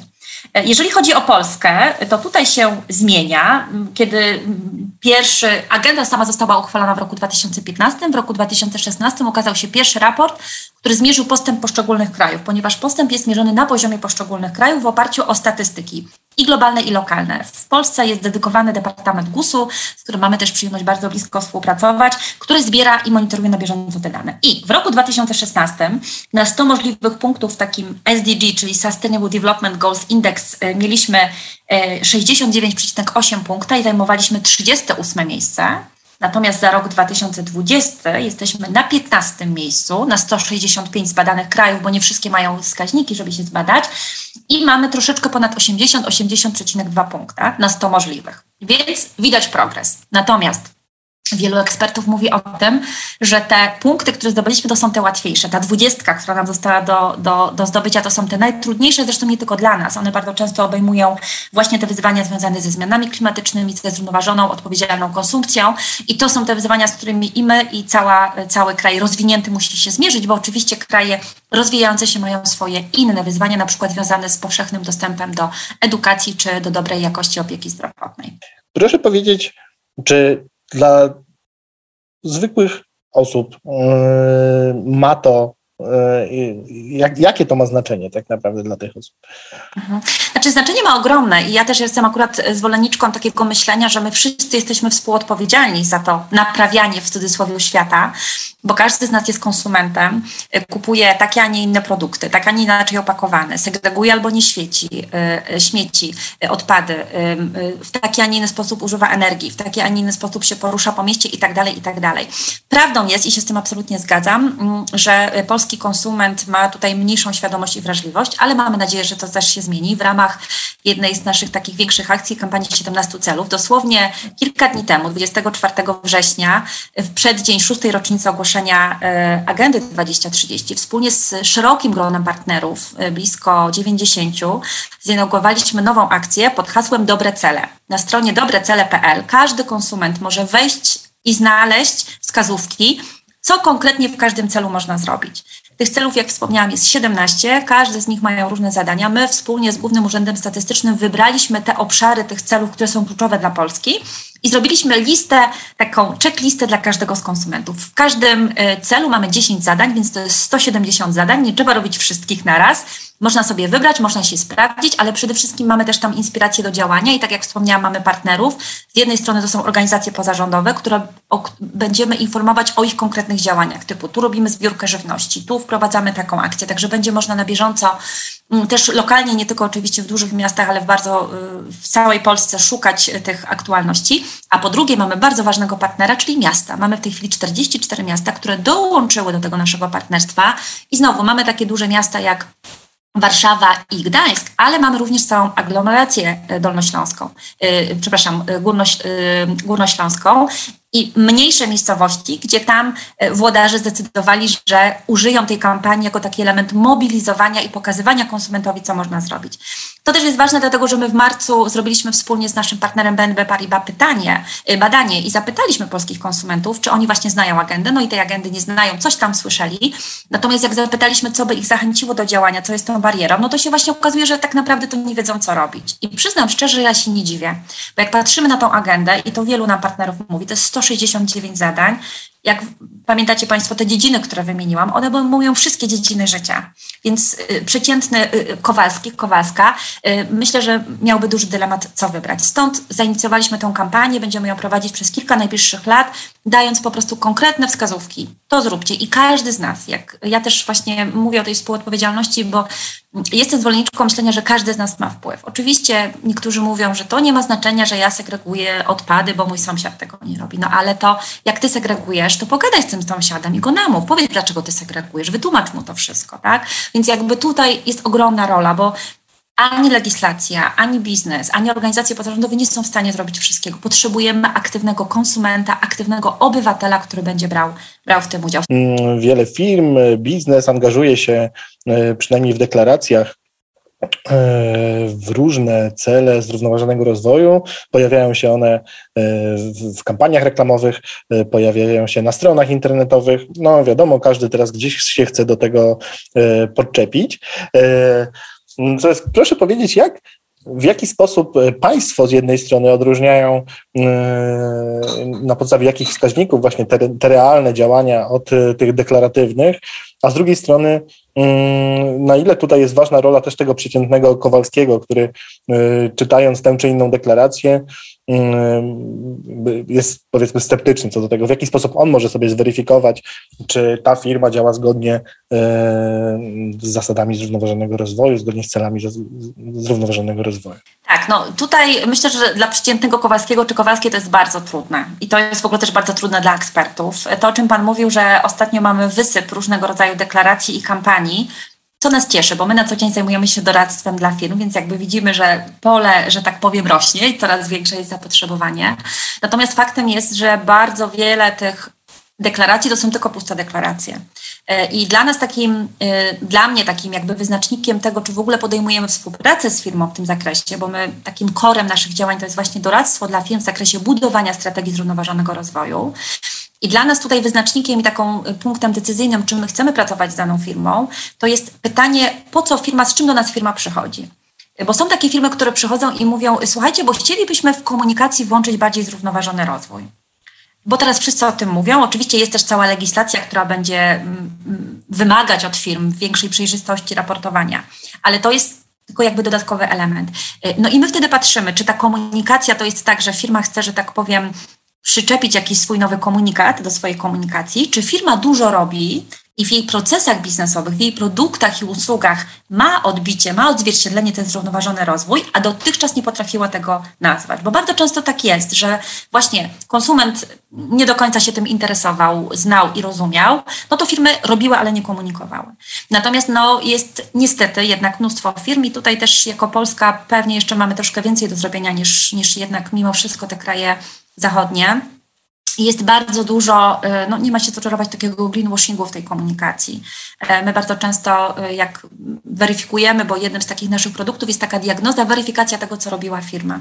I bardzo często, kiedy zestawiamy te koszty na przykład jakiegoś konkretnego działania i pokazujemy firmie, słuchajcie, wy na komunikacji o tym działaniu wydaliście X, a tylko jedną drugą X na realne działanie, to jakby tutaj widać zachwianie tych, zachwianie tych, yy, yy, tych relacji i, i, i, ten błąd w myśleniu. Z drugiej strony, moim zdaniem, też komunikacja odgrywa ogromną rolę, bo jeżeli firmy o tym komunikują, to też jest ten element edukacji otoczenia, edukacji konsumenta. Wręcz nawet w jednym z takich modeli międzynarodowych mówi się właśnie o takiej odrębnej roli biznesu, który poprzez komunikację na przykład w reklamach czy w komunikacji marketingowej o zrównoważonym rozwoju też odgrywa pewną rolę, czyli robię to, co muszę w moich procesach biznesowych, ale jeszcze dodatkowo biorę na siebie ciężar edukacji otoczenia, bo to nie jest tylko konsument, to jest też na przykład moi partnerzy biznesowi, stąd duże takie ciekawe, rozbudowane projekty, które my prowadzimy z naszymi klientami dla ich dostawców, czasami mniejszych polskich firm, dla których te wyzwania związane z tematem chociażby środowiskowymi y, są nowe i trudne. I ta firma podjęła się takiego wysiłku, że organizuje dla nich cykliczne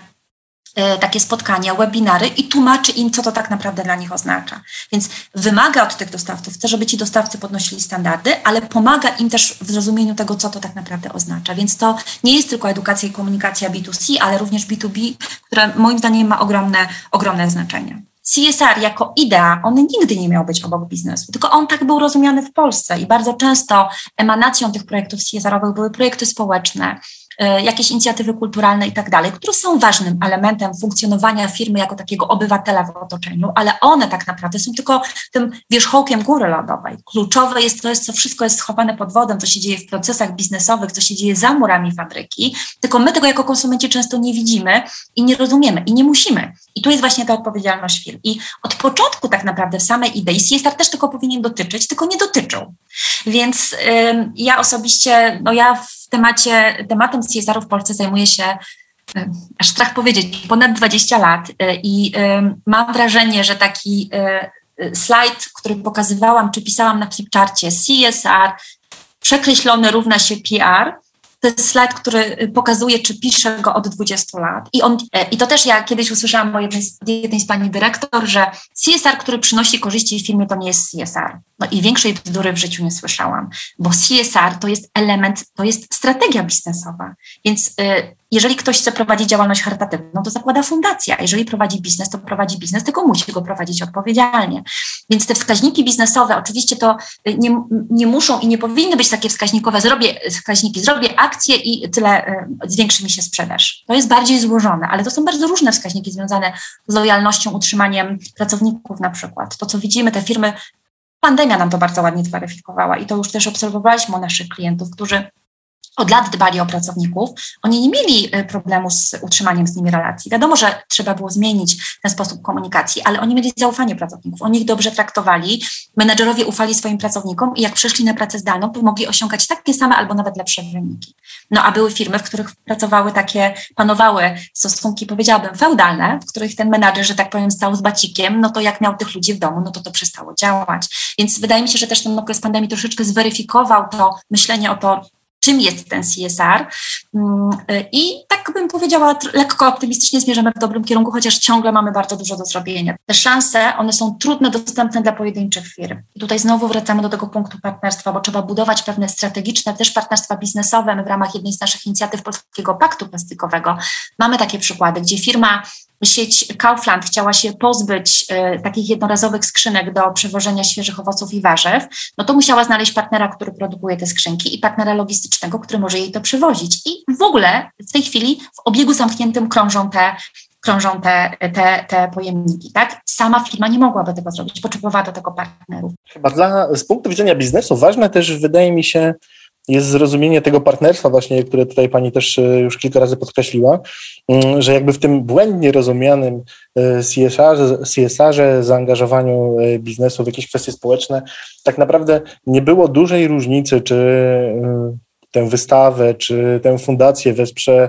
ten czy inny podmiot, jeśli chodzi o branżę. Natomiast tutaj to partnerstwo na takim poziomie nieco, nieco wyższym niż taka współpraca, jak wspomniała Pani w przypadku Kauflandu, Mm, e, wydaje mi się, że można na nie spojrzeć w ten sposób, że każdy sektor ma do odegrania tutaj jakąś rolę. Inną rolę ma sektor bankowy, inną rolę sektor spożywczy, inną rolę e, sektor energetyczny, e, więc tu wydaje mi się, że na tym poziomie też jest to taka unikatowa szansa tak naprawdę dla tych biznesów, żeby się odróżnić właśnie i biznesowo, ale też marketingowo, komunikacyjnie, tak jak sobie mówiliśmy, można to wykorzystywać. Tym się podzieliliśmy.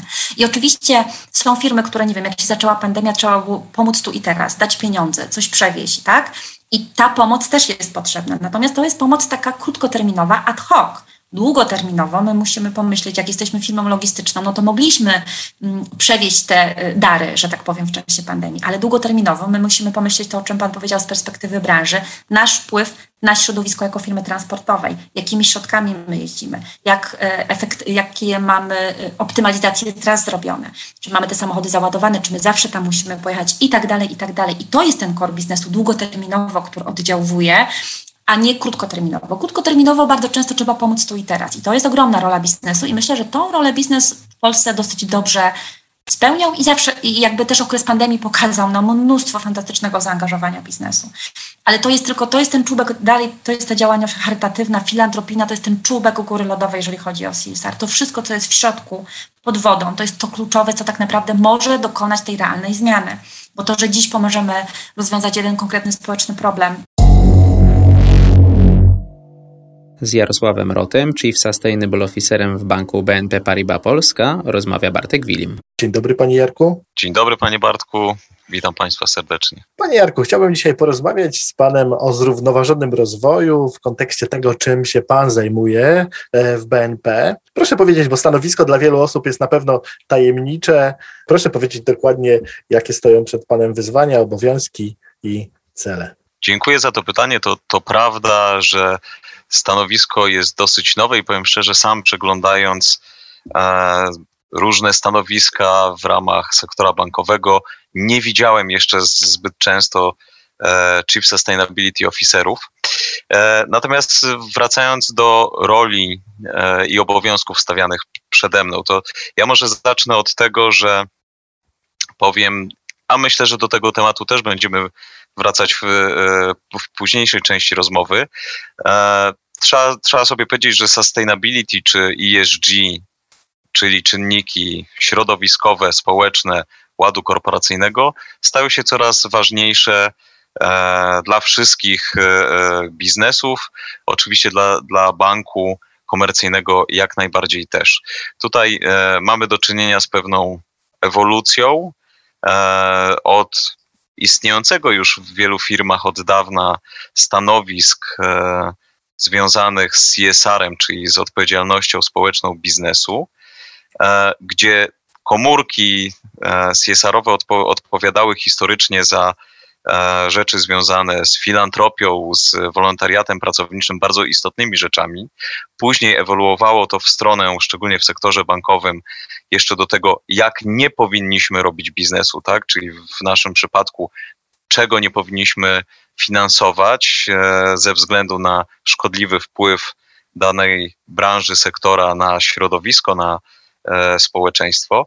Natomiast coraz więcej, mówiąc o sustainability, mówimy o, o tym, jak powinniśmy działać, co sektor bankowy, e, dysponując pokaźnymi kapitałami, powinien finansować, tak żeby realizować, realizować agendę 2030 NZ-owską, czyli krótko mówiąc, e, działać zgodnie z celami zrównoważonego rozwoju i adresując wielkie wyzwania, z którymi mamy do czynienia teraz, tutaj na, na pierwszym miejscu oczywiście trzeba wskazać kwestię katastrofy klimatycznej.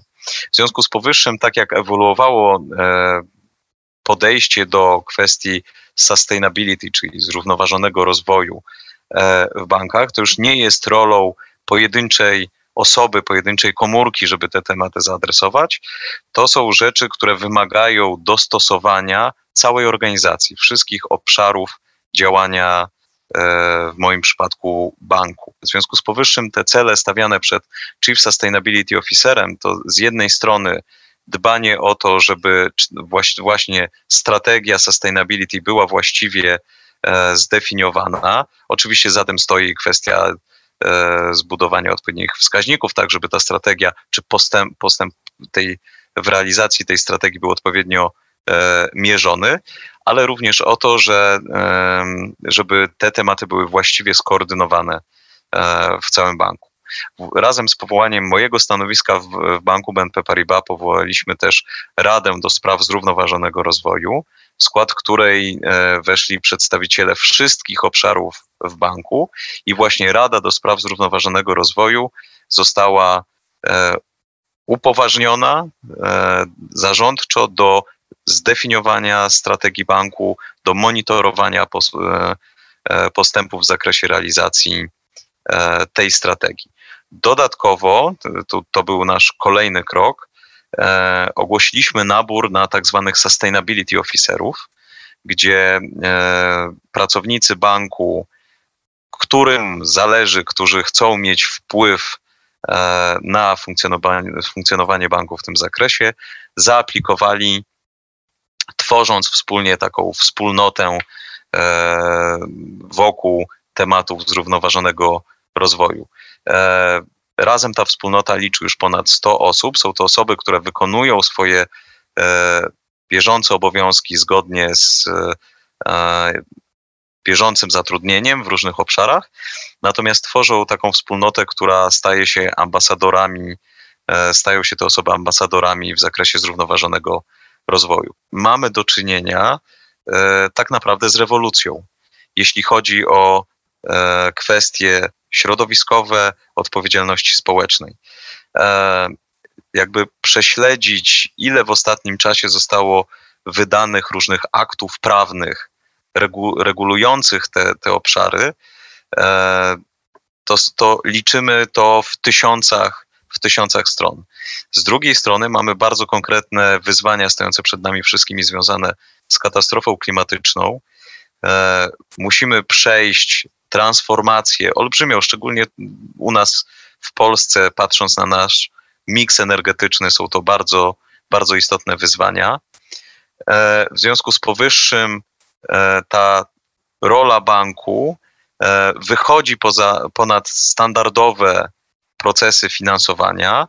Bank musi zaprojektować odpowiednie produkty, które będzie oferował swoim klientom, za pomocą których pomoże w, tym, w tych procesach transformacyjnych swoim klientom. Bank również musi nabyć kompetencje i wiedzę, żeby móc przekazywać ją właśnie swoim klientom, żeby móc wskazać klientom E, prowadzącym mm, na przykład małe i średnie firmy, którzy nie mają łatwego dostępu do tych tekstów regulacyjnych, nie mają łatwego dostępu do informacji o e, istniejących dotacjach, subwencjach, które również są na poziomie unijnym, na poziomie krajowym budowane po to, żeby wesprzeć te, te procesy transformacji. W związku z powyższym tutaj olbrzymie wyzwanie nie tylko przed e, Chief Sustainability Officerem, czy Sustainability Officerami w banku, ale tak naprawdę przed e, w zasadzie większością pracowników, żeby zrozumieć, o czym tak naprawdę mówimy, jakie procesy w tej chwili zachodzą, zachodzą w gospodarce, tak żeby móc realizować tę naszą funkcję finansowania gospodarki, wsparcia naszych klientów w dostępie do, do finansowania, w dostępie do e, informacji. Tradycyjna bankowość, e, e analitycy biznesowi współpracujący z klientami doskonali w e, analizie finansowej, teraz muszą również wziąć pod uwagę kwestie no, nie, ma, nie mające na pierwszy rzut oka dużo wspólnego z, ze sprawozdaniem finansowym. Czyli na przykład e, zrozumienie, że budowa w tej chwili biznesu, który będzie wymagał e, dostępu do wody w, w, części centralnej Polski, gdzie następują już procesy e, step, stepien, ste, stepowe, e, a również mamy do czynienia z e, potencjalnie w perspektywie kilkudziesięciu lat spustynnieniem tych obszarów, gdzie wiadomo, że e, z dostępem do wody będzie różnie, żeby wziąć to pod, pod uwagę już teraz, e, no i właśnie wskazać, że no nie jest to nie jest to optymalne miejsce na prowadzenie tego biznesu. Proszę powiedzieć tak na tle branży, jakby to jest to jest trend poniekąd, e, realizacja takich celów, e, obowiązek branży bankowej, kreowanie takiej gospodarki? Jak to wygląda w takim szerszym kontekście? To jest bardzo dobre, bardzo dobre pytanie. I krótka odpowiedź jest oczywiście tak.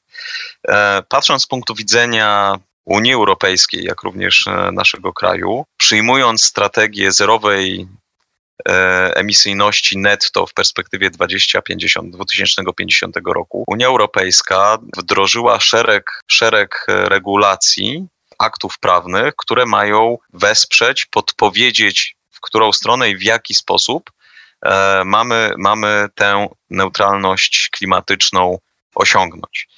Część tych regulacji i aktów prawnych dotyczy E, sektora bankowego, który ma olbrzymią rolę do odegrania w tych procesach. E, w związku z powyższym, e, od strony regulatora, czy mówimy tutaj właśnie o Unii Europejskiej, czy, czy państwie polskim, należy zdefiniować, jak sektor bankowy powinien postępować, żeby wesprzeć te procesy transformacyjne. Główna część tych obowiązków sprowadza się do obowiązków raportowych. na ten moment. Czyli dokładnego pokazania, jak ta działalność wygląda, jak również wskazania obowiązków dla banków, uwzględniania wspomnianych już przeze mnie wcześniej czynników środowiskowych, społecznych, ładu korporacyjnego w procesach e, udzielania, udzielania kredytów.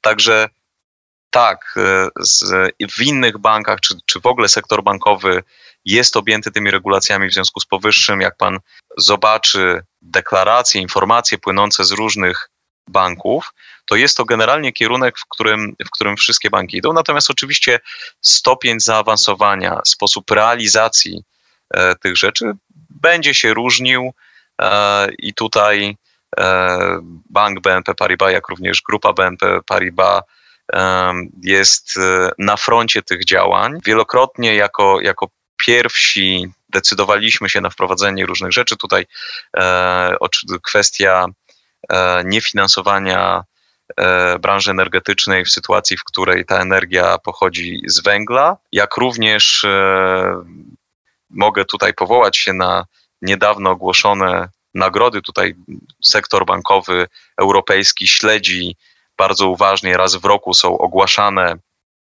są ogłaszane nagrody przez e, który przyznaje, przyznaje nagrody w zakresie doskonałości w różnych obszarach.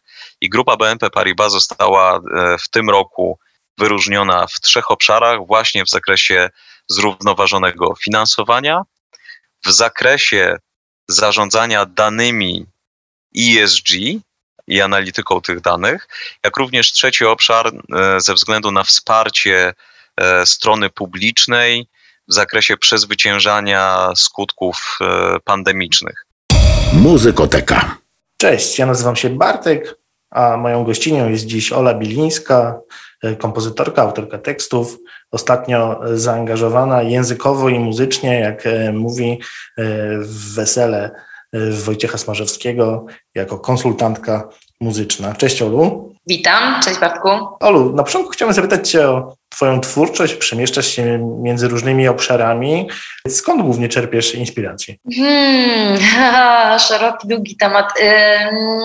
Na początku bardziej tak e, swojej twórczości, gdzie zaczynałam właśnie zespół Babadak, ten projekt zespół i rozkręcałam też Bye Bye Butterfly z Danielem Piekońskim Wydaje mi się, że taką główną inspiracją była dla mnie literatura przede wszystkim i różnego rodzaju teksty literackie, ale też oczywiście, e, znaczy nie oczywiście, ale też przyroda, która zawsze była, była dla mnie bardzo ważna. Ja dużo lat, wiele lat spędziłam w harcerstwie chociażby, chociaż może nie powinnam się do tego przyznawać, bo to bardzo nie trendy, e, ale uważam, że to jest fantastyczny nurt i mnie bardzo też ukształtował i mm, więc przyroda e, i literatura. Jako, że studiowałam też anglistykę i bardzo dużo wtedy czytałam w, w tych czasach właśnie studenckich, kiedy, kiedy rozpoczynała się moja przygoda muzyczna. Więc na przykład, no, to nie będzie zaskoczeniem, ale pierwsza płyta Baba tak była mocno inspirowana e, podróżami Andrzeja Stasiuka i właśnie tytułową książką, książką, z której zaczynałam o nazwę płyty z tytułu, e, czyli jadąc do Babadak, e, a na przykład pierwsza płyta Bye Bye Butterfly e, była, miała być takim muzycznym muzyczną wariacją na temat boskiej komedii, więc pojawia się tam bardzo dużo wątków z tamtego. to tak dla, dla nerdów literackich taka informacja, tutaj może ich zainteresuje. Ja studiowałem no. polonistykę z kolei, więc, więc tak, więc słucham, słucham z zaciekawieniem. Piąteczka w takim razie, tutaj też e, filologa, kolegi. E, I, a teraz potem się to troszeczkę zmieniło, ponieważ prze, prze, przeprowadziłam się na pogranicze polsko-litewskie, na Suwalszczyznę i w międzyczasie też miałam dużo e, do czynienia z kolegami, którzy e, przeżywali wielką przygodę z nową muzyką żydowską, e, z kolegami muzykami, Pawłem Szamburskim, Rafaelem Rogińskim. No i, i, i też jakby weszłam w to środowisko i w te, w te, w te fascynacje. Jakby ta fascynacja mi się udzieliła, o. Mm, I, no i zaczęłam się zajmować muzyką tradycyjną żydowską w języku jidysz i nią się inspirować, czyli także i muzyką, i kulturą, i, e, i literaturą, widzisz. I tutaj tak powstały te dwie płyty Berioskedy i Libelit, a z drugiej strony zafascynował mnie świat kultury i tradycji litewskiej, ponieważ język litewski słyszę na co dzień w Sejnach, choćby w Biedronce. I jest niesamowity, sam język jest niesamowity, jego e, melodia, jego brzmienie, to jest jeden z najstarszych języków w ogóle europejskich i no, brzmi bardzo dla nas egzotycznie, e, rzekłabym. Jest bardzo blisko tego protoindoeuropejskiego e, sanskrytu, e, więc, więc ciekawa sprawa dla mnie, jako osoby, która odbiera też muzykę przez język i język przez muzykę. Tak troszeczkę mi się, u mnie się to miesza. No więc inspiracja językiem i tą kulturą, gdzie te pogańskie wątki i te wierzenia są jednak jeszcze, jeszcze bardzo mocno żywe. Tam jest bardzo silny nurt neopogański w ogóle na Litwie. No i stąd właśnie wzięła się druga płyta też Baba tak mm, z trzema wspaniałymi dziewczynami z Wilna. Wspomniałeś, że wylądowałeś gdzieś poza, poza centrum, właśnie na pograniczu y, polsko-litewskim. E, powiedz, czy muzyka też jest dla ciebie taką formą jakieś właśnie wycieczki, e, wycieczki na obrzeża tej współczesności? Trochę pewnie tak, bo akurat tam mm, są ludzie, którzy swoją sztuką, tak jak wspomniany już Wojciech Smarzowski, bardzo mocno komentują rzeczywistość w taki dość bezpośredni sposób. U mnie, ja w swojej muzyce zawsze e, raczej operuję metaforą i, i jeśli mówię o rzeczywistości, to właśnie poprzez metafory, poprzez jakieś lustra, lustro właśnie stworzone z literatury, na przykład tak jak ten Dante, czy ten Stasiuk, czy, czy mity, baśnie, opowieści, bo Baba tak właśnie zawsze, zawsze mity, archetypy, symbole to były, to były takie narzędzia dla mnie, żeby jednakowoż też mówić o rzeczywistości, tylko, tylko w taki już odbity sposób, przetworzony bardzo mocno, metaforyczny. E, no więc taka druga płyta Babada, która właśnie jest taką kolekcją powiedzmy piosenek, właśnie baśni, mitów, a to o jakimś śniącym. E, na, na końcu pojawia się właśnie tekst e, też no, zaczerpnięty z, z, z, z, tej piosenki, na której tradycyjnie, której opaliśmy ten utwór, obudźcie, śniącego no to dla mnie to jest troszeczkę właśnie takie nawoływanie do, E, do tego, żebyśmy my się obudzili, bo źle się dzieje w państwie duńskim, mm, e, czyli na naszej planecie całej. I, e, no i cała, cała, cały album jest tak naprawdę właśnie o przyrodzie i o naszej relacji do przyrody, jako tej pierwotnej siły, która nas ukształtowała i z której się wzięliśmy, a o której zapominamy i się od niej oddaliliśmy bardzo drastycznie.